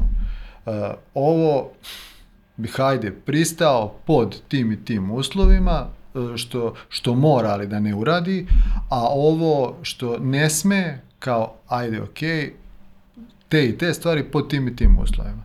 Znači, držanje granice je bukvalno držati, držati se ovog spiska. Uh, ako jasno je sad već, ako se partner ponaša na način na koji ne želim ili nije uh, dogovoren ili nije u skladu sa ovim mojim kvadrat, kvadrantima vrednosti, ja komuniciram to i to u stvari znači čuvam svoje granice. Hmm. I njih postoji više vrsta. Znači granice mm -hmm. naše neke fizičke izdrživosti, e, psihološke granice, emocionalne granice, one su svakako propusne. Nisu one čvrste kao zidovi, nego više liče na kožu. Znači onako nekako dozvoljavaju da dobre stvari uđu, a da loše izađu. Znači postoji ta neka komunikacija, ta neka dinamika. I sad, e, ono što u literaturi se zove granicama, to je tamo gde se pojavljuje ljutnja ili bilo koja vrsta frustracije zato što nešto što je moja potreba ili želja ovaj, nije uh, ovaj, zadovoljeno. I ima još jedna mnogo važna stvar, a to je, mislim, vrlo često ta, taj citat, verovatno ste ga i, i viđali. Znači, granica je tamo gde se završavam ja, gde počinje drugi. Mm. I to je ona priča o onom razgovoru u partnerskom odnosu. Znači, to su stvari o koje ja znam da je nešto moja potreba bez čega se osjećam loše ako to ne zadovoljim. Znači, onda se mi dogovaramo i pregovaramo u partnerskom odnosu kako ćemo da postignemo da što više tih važnih potreba bude zadovoljeno i jedne i druge strane. I ovo što Marko kaže, kako ćemo to nešto što može, a ne mora, koliko toga nam je prihvatljivo, znači to su sve stvari koje moraju da se iskomuniciraju. Šta je nama znak da su negde naše granice narušene, odnosno da neke, negde, što kaže ono što su naše lične želje i potrebe, nije to baš ispoštovano, to je frustracija ili ljutnja. Znači mi smo frustrirani, ili smo ljuti. I onda bi bilo dobro da smo toga svesni, da komuniciramo na vreme. Znate, ono, kaže, ljudi, često je u poslednje vreme, ono, kao na, na fizičkom planu, dosta ljudi u burnout. Znači, mm. ljudi, ono, ne, ne, ne poznaju uopšte svoje fizičke, fiziološke granice. I onda kaže, pa kad da odmaram? Ne, odmara se, pa i u partnerskom odnosu. Znači, stvari se saopštavaju pre nego što to udari u plafon. Znači, pre nego što sam ja već i netrpeljiv i nestrpljiv. Znači, to se komunicira ranije. Kao što se i odmara pre nego što osetimo iscrpljenost. To je ono čemu smo pričali na početku. Kapacitet da, da. za neprijatne razgovore. Tako da, je. štedi nam da, taj naboj da. koji se gomila. Tako Ovo smo možda trebali i ranije da kažem, ali evo za slušalce koji su još uvek sa nama posle ovog vremena, uh, da objasnimo kako se u stvari ljutnja izražava u partnerskom odnosu. Pošto sve vreme pričamo kako je ljutnja neophodna da, za zdrav ljudi da sad ono što da, kaže ovi što se biju se da super vole. Kao Ko se bije, taj se voli. Da. da. ne, o, nikako. Uh, To nije ljudina. Nije, Kad ne. se ljudi to je, biju, to je mržnja. To je farma. Odmah da definiš. To je mržnja. A mržnja je osjećanje drugačijeg kvaliteta. Da, od ljudine. Tako je. Prvo, ljutimo se na one ljude do kojih nam je stalo. Majka se ljuti na dete kad se istrgne pa hoće da istrči na ulicu ili ode e, samo u duboku vodu da pljeva ili tako nešto. E, ljutimo se na ljude koje volimo, za koje smatramo da su vredni, ali koji se u tom trenutku ponašaju na način koji remeti naš odnos. E sad, kako ćemo to da saopštimo? To je mnogo važno, jer uh, moramo razdvojiti osjećanje ljutnje od načina izražavanja, to je komuniciranja ljutnje. Uh, kažu, ljutnja ima koliko, sedam ili devet stepeni, da, da. A, mislim, gradira se. Uh, poslednji stepen, taj, nazovimo ga sedmi, je u stvari bes. Korak znači, ka besu, da. da. Pa da, to, to, je, to je... To je Afekt ljutnje. Tako je, afekt ljutnje, znači i, e, emocije isto kvalitete, samo najvišeg intenziteta, znači e, e, ljutnja kao i svaka druga emocija ima različite intenzitete. Pravilo je uvek izraziti ljutnju na najnižem mogućem stepenu intenziteta. Nije nikakav problem u sledećoj iteraciji po, uh, pojačati intenzitet. Ne znam ti, pa molim te, smete mi ovo što radiš, znaš, meni stalo do tebe, ja tebe volim, Znači nije sporno, samo ovo mi baš smeta. Pa, u sledećoj. Opet ću te zamoliti, uh, smete mi kad to radiš, možda me nisi čula ili možda nisam ono dovoljno jasno to rekao, pa onda gradiramo polako, uh, jasno je otprilike na koji način uh, ide, ide ovaj, da, širok je taj raspon. Tako mm -hmm. je, ali jedna stvar ne sme da se zaboravi u partnerskim odnosima, da ljutnja, to jest čvrstina stava može s ljubavlju da se izrazi.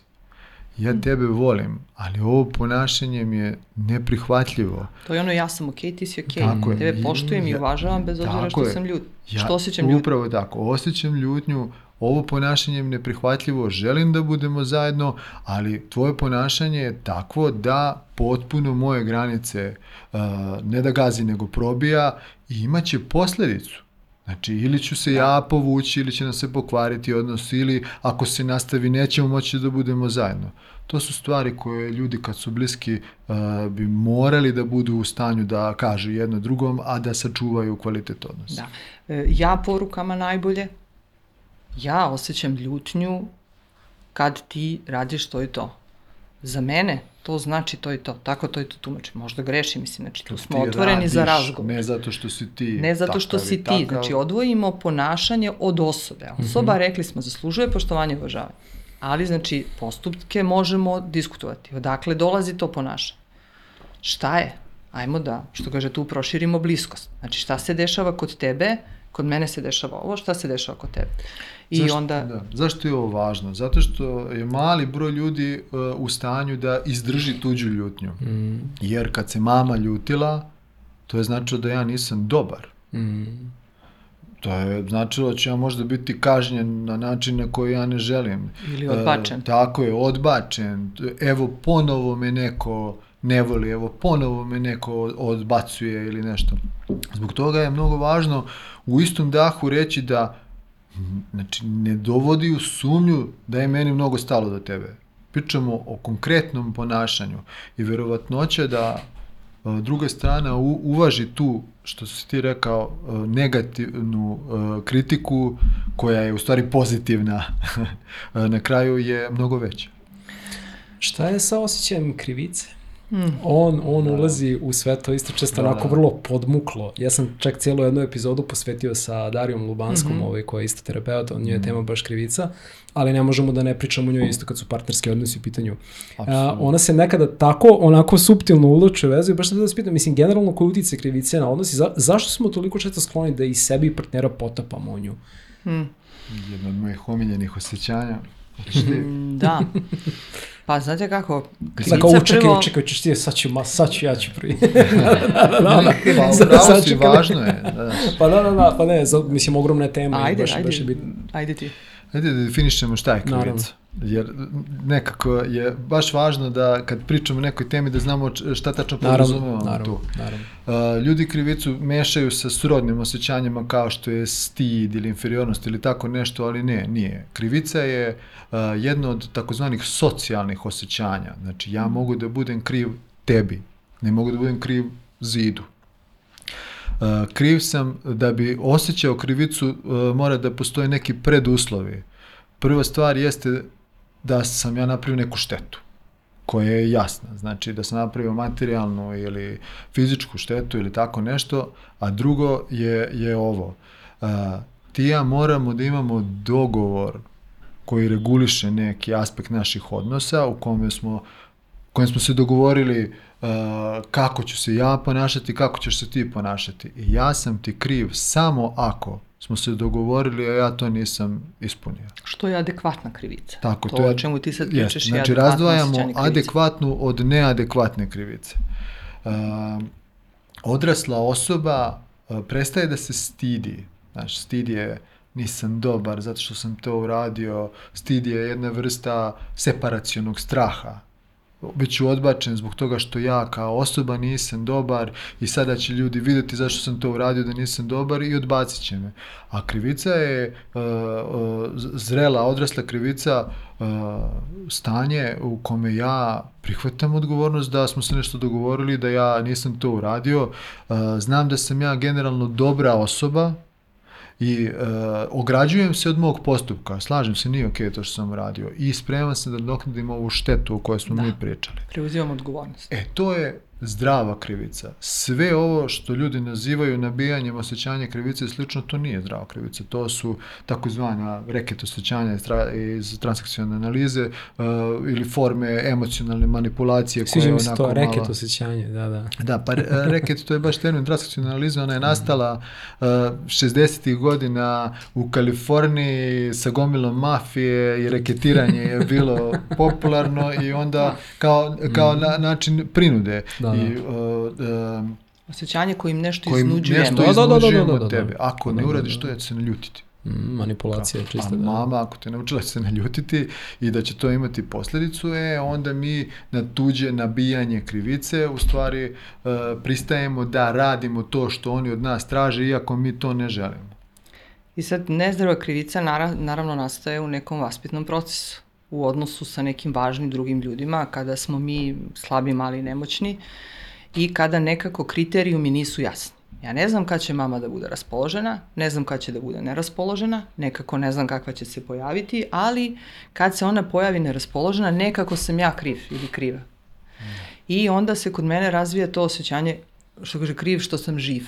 Mm. I većina ljudi je odgajana na taj način i onda mi kad ulazimo u partnerske odnose, kad se srećemo sa nekim drugim, drugom osobom u partnerskom odnosu, onda naravno, pogotovo ako već imamo to što kaže u kod negde, već je to princip kojim funkcionišemo, već je nama neko upravljao na taj način, mi smo onda dostupni za manipulaciju Tako. Ovaj, I naravno, onda se, što kaže, šta bi deo bio ličnog rada tu? Bi bio preuzimanje odgovornosti za sebe i e, traženje načina ili kroz terapijski proces ili kako god bilo, da e, naučimo ovaj, da upravljamo svojim osjećanjem krivice, odnosno da to nezdravo osjećanje krivice, da, kaže, da sebe nekako pomilujemo Da. da oprostimo sebi i da razumemo da to, da to osjećanje neadekvatnosti i nekog stalnog doživljaja da nešto nije u redu s nama, da nekako smo stalno mi nešto pogrešimo, da zamenimo adekvatnim osjećanjem, odnosno preispitivanjem. Čekaj, po kom kriterijumu? Po čijem kriterijumu? Ko je ta, šta smo se dogovorili? Šta je naš početni dogovor? Ako bismo crtili protokol za slušalce, gledalce, uh, šta da radim kad osjećam da mi neko nabija osjećanje krivice, kad se sam nešto osjećam loše, nisam ni siguran da se stidim, da ću imati posljedicu, da ću, da ću biti odbačen. Znači, prvo proveriš da li se stidiš ili osjećaš krivicu. Kako ću znati da li se stidim? Da li se plašim da će neko reći da nisam dobar ja kao osoba i da će me odbaciti? Ne, ja sam dobar kao osoba, postoji postupak zbog koga sam možda kriv. A onda, jesmo li se ti ja dogovorili oko ovog postupka, jesam se ja tebi obavezao na to? Uh, pa ne, ako nisam se obavezao, onda ti nemaš osnovu da uh, meni nabijaš krivicu. Uh, drugo, jesam li ti napravio neku štetu? Ja nisam. Pa onda ne postoji ni, ni materijalna ni psihološka osnova za, za Jer u krivicu. I... tom nekom odnosu nera, nejasne, nejasnog raspoređivanja moći. Znači, roditelj je uvek moćniji od deteta. Znači, mi preuzimamo odgovornost za, za to kako se druga osoba osjeća. A to nije naša odgovornost. I onda nekako u partnerskim odnosima kasnije, Ako, kad god je partner nešto ljut ili frustriran, nekako samim tim što je on ljut ili frustriran, bez analize toga šta zaista je problem, nekako sam ja kriv. Znači, kad god je neko drugi ljut ili frustriran, ja sam kriv. Tako je. I nekako ja moram unaprijed sve da vidim šta je kome potrebno, da sve njih zadovoljim, da bih ja se kao osjećao dobro. Da, krivica kao višak odgovornosti. Tako je. Pa, da, to su srodne, mislim, znači iz preuzimanje odgovornosti, odgovornosti, izlazi da. osjećanje dužnosti i krivice. za ono š- za š- što nije naša odgovornost. Ali kad se čovjek pita, dobro sad, kad bi se vratio vremeplovom u prošlost, da. li bi se ti sa mamom dogovorio da je mama rekla, e, dođe da regulišemo naše odnose, ti ćeš da budeš odgovoran za moje osjećanja, kao, jel bi ti potpisao tu krivicu i kao, svaki put kad se ja budem osjećala loše i planula, ti ćeš da skočiš i da se smrzniš i kažeš, ja, ja, ja sam kriv. To tako smešno zvuči kad se kaže ovako, a to se zapravo dešava. Da. Pa to su rečenice koje se da, da, da, izgovaraju kao da, ti da, si da, da, mene da. naljutio. Ti si mene naljutio. Ne, osjećanja naša proizvodimo mi sami. da, Znači, da, druga da, osoba nešto radi ili ne radi. To je malo pre kad smo pričali o ljutnji, nismo rekli. Ja mogu da osjetim ljutnju i da prepoznam u sebi ljutnju. Uopšte ne moram da izrazim. Mogu da procenim da li mi je korisno da izrazim u ovom I često trenutku ili ću je izraziti za sat, dva ili ću reći mm, imam nešto važno, možemo li da se dogovorimo kada. Znači, suštinski mi vladamo svojim osjećanjima. To je ono za šta imamo neki kapacitet, prefrontalni korteks i sve to drugo. Super što to rekao. Ali, Baš ovaj, je važno kad da. izraziti ljudi. Ali e, I kako i u kako. praksi je to redko. U praksi je vrlo često da neko dođe kući, recimo partner dođe kući, nešto ga isfrustrirao šef ili kolega i onda, brate, to je odmah, svi su u kući krivi.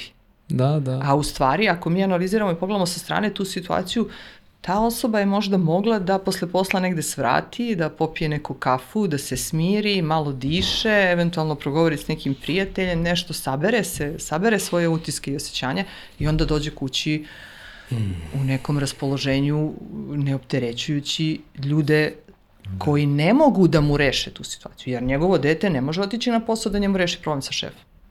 Niti ga je izazvalo. Što kaže Terry Real, moj omiljeni partnerski terapeut, kao, pa šta radimo kao kad smo u zavreloj, uh, ono, emotivno nabijenoj atmosferi i svađe i svega. Napravimo pauzu.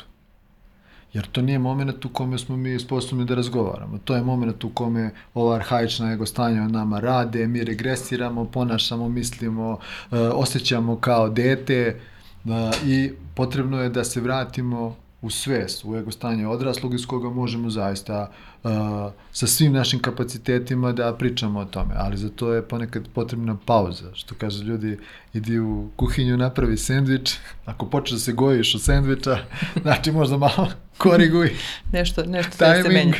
Da, ali pauze definitivno. Tako jednostavna, ta- ta- tako, tako, tako jedno, jednostavan instrument uh, koji ljudi ne koriste, nego misle da u trenutku u zavrle rasprave sad moramo da uzmemo i da razrešimo to. Ne, sad su ovde tu dvoje dece, mali ja sa mojih 5-6 godina, mala ti sa tvojih, ne znam, ono, tvojih 5-6 godina, kao deca u pesku, otimamo se ti mene, ne voliš ja, tebe ne volim ti mene, ne voliš ti ćeš da vidiš, ti si ovako, ti si onakav, ne, mi moramo da napravimo pauzu, da se smire emocije, zašto emocije, pričali smo da su emocije psihološki fenomeni koji se osjećaju u telu, u fiziologiji, da se fiziologija smiri, povuči za sobom ono, kortikalno razmišljanje i prefro- prefrontalni korteksom, e, i onda mi već možemo da, da budemo bliski I ima još jedna stvar ispod ta dva deteta, znači negde u, u nesvesnim procesima, verovatno i neki samo sabotirajući moment u kome to i ne treba da uspe, jer kao ja sam loš i ovo i neće uspeti šta se ja trudim i čemu ovo služi i tako dalje. I ovaj, onda je to Mogli bi ceo, ceo podcast da samo napravimo o igranju psiholoških igara otežava stvar. nesvesnih u, u, Ali krivica je mnogo važna e, iz danas jako aktuelnog problema. Mislim, već se ljudi šale na taj račun, ono, kao manipulacija, narcisoidnost, ovako onako. Međutim, to uopšte nije naivno. Jer je zaista neka vrsta epidemije.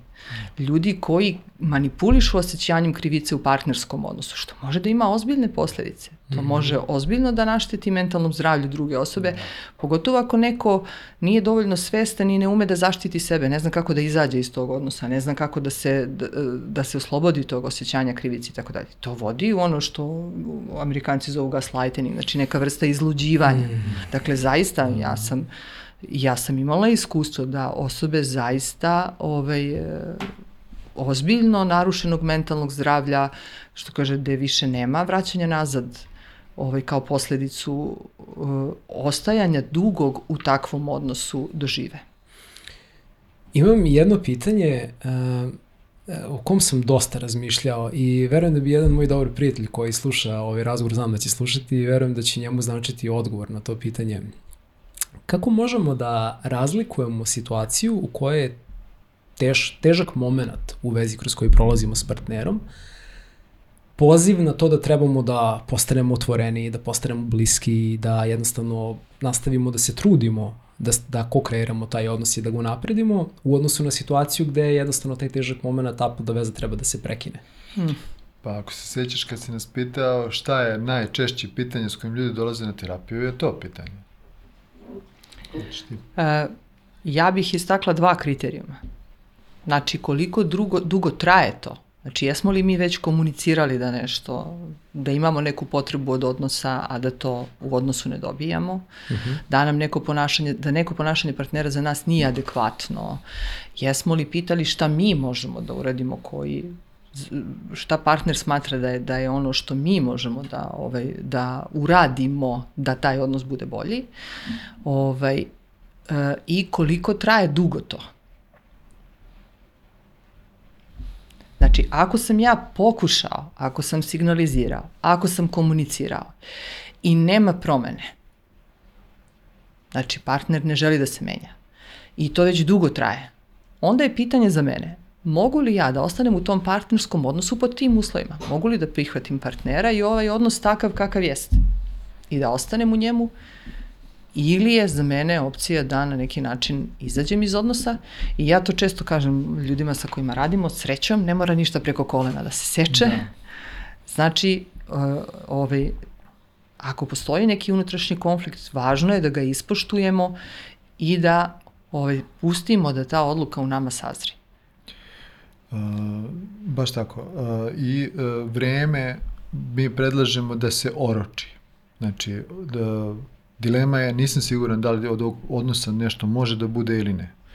Uh, prvo kažem sebi, ok, daću sebi, ne znam, 3, 5, 6 meseci, godinu, dve godine, rok je individualan, zavisi od situacije, od osoba u kome ću da vidim da li uh, je ovaj odnos smislen za mene ili nije. Uh, način koji ja sugerišem da se to proveri jeste ti uradiš sve što je do tebe da taj odnos bude okej.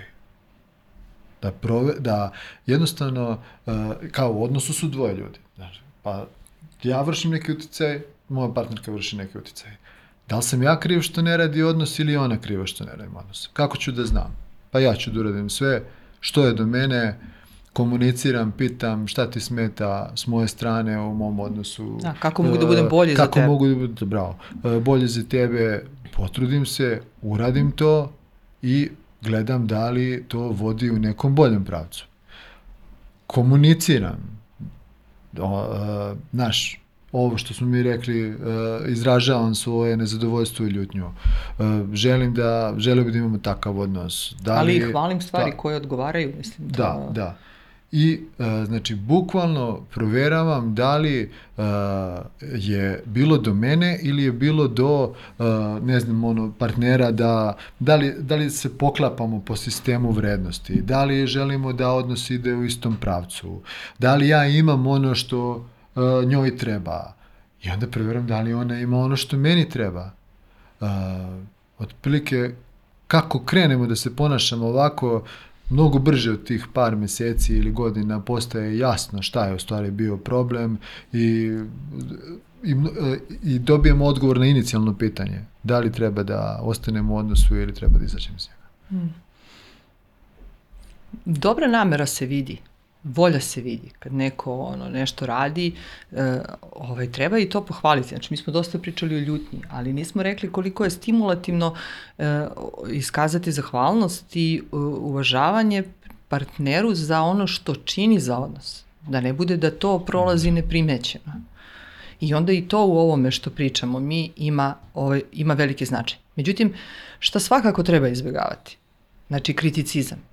To je što onaj nepoštovanja, znači iz neke pozicije da, da sam ja nekako biće, da. vrednije biće od tebe. Znači nekako sa visine, ono tutorisanje, znači kao neka učiteljica ili kao da, neki roditelj i tako dalje. Bilo koju ja sam ok, ti si ok. Tako je, treba izbjegavati defanzivnost. Znači, defanzivnost, to je kad, ne znam, partner kaže, znaš, ja stvarno, čuješ li ti mene nekad, slušaš li me? Ja kažem, kako možeš tako mi kažeš, ja tebe stalno slušam. Ne to.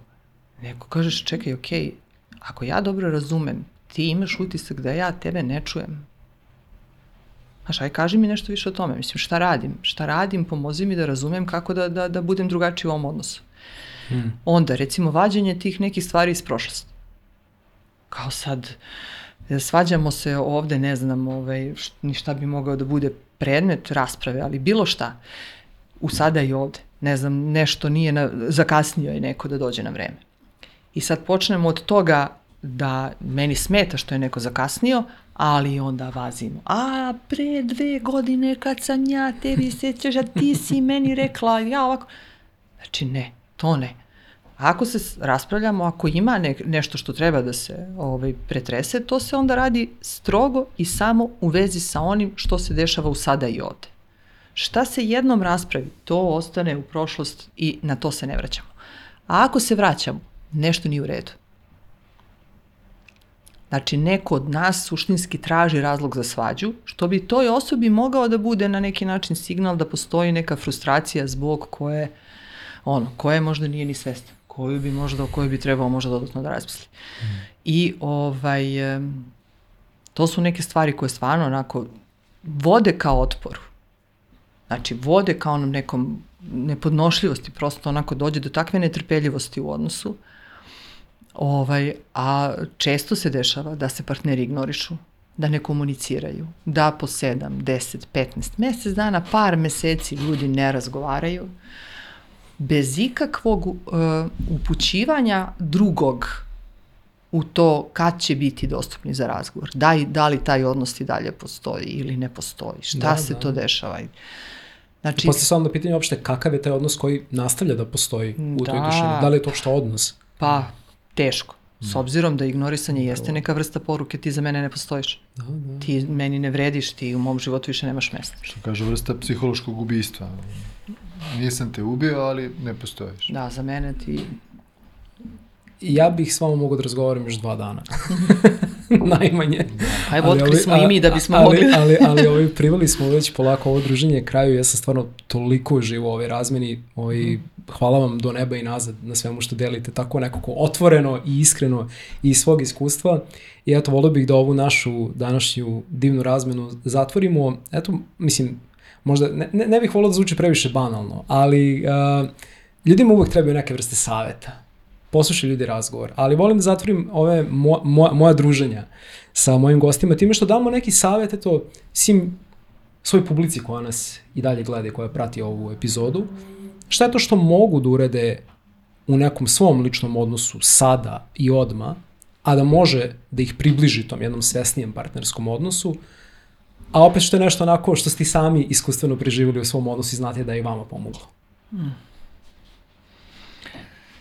Pa evo, u duhu ovoga što smo danas uh, pričali, možda kao siže ovoga, uh, uh, ljutnja je okej okay i može da se izrazi s mnogo ljubavi na, u pravcu izgradnje odnosa. I odnos verovatno neće nikad biti izgrađen ukoliko ne naučim da komuniciram sa čvrstinom i ljubavlju u istom dahu.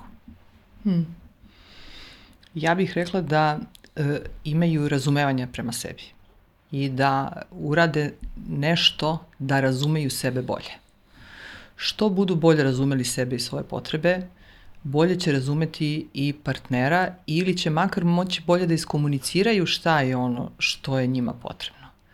Znači, moje iskustvo i moje klijentkinje sad neke koje verovatno gledaju i stare i neke sada e, znaju da često u radu kada dođu da se žale na situaciju u partnerskom odnosu i tako dalje, mi nekako dođemo do toga da je u stvari u pitanju nešto iz njihovog odnosa sa samim sobom.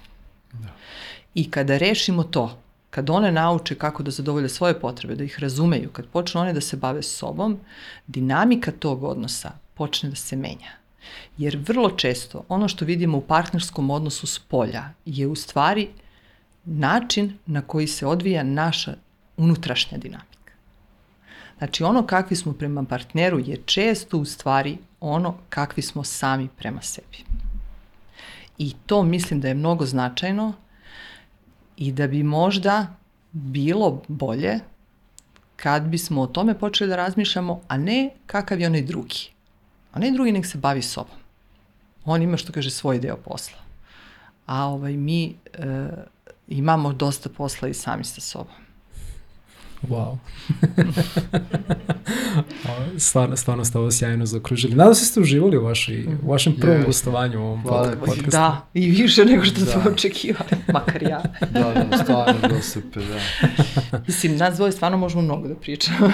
da, ja samo razmišljam koje sve teme nismo otvorili, o čemu bi sve moglo da se priča. Što, što bi babe rekle, Bože zdravlje. Bože zdravlje. e, ovaj, mi kad, kad ulazimo u live, Marko stalno kaže, molim te, ovaj put 45 minuta i zatvaram. da, da. I onda samo vidiš tih 45 da. minuta prolazi.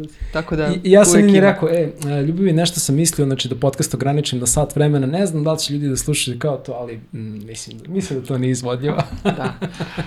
da, nadamo se da će biti zanimljivo i onima koji, ovaj, A, koji budu ovo gledali. Ja, e, obično kažem, verujem da hoće, sad ću kažem, znam da hoće. da. Tako da ovaj... Pa eto, nadamo se i u komentarima ispod i ispod videa, ispod svega, da vidimo šta ljude zanima, koje da, su to, to teme pratimo. koje ih zaista bole, jer uh, od, od feedbacka slušalaca zavisi kvalitet ovoga što ćemo mi pružiti.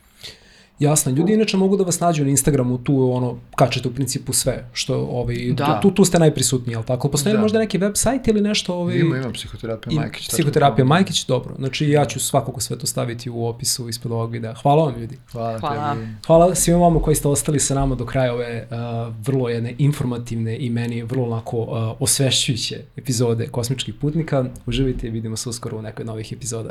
Ćao!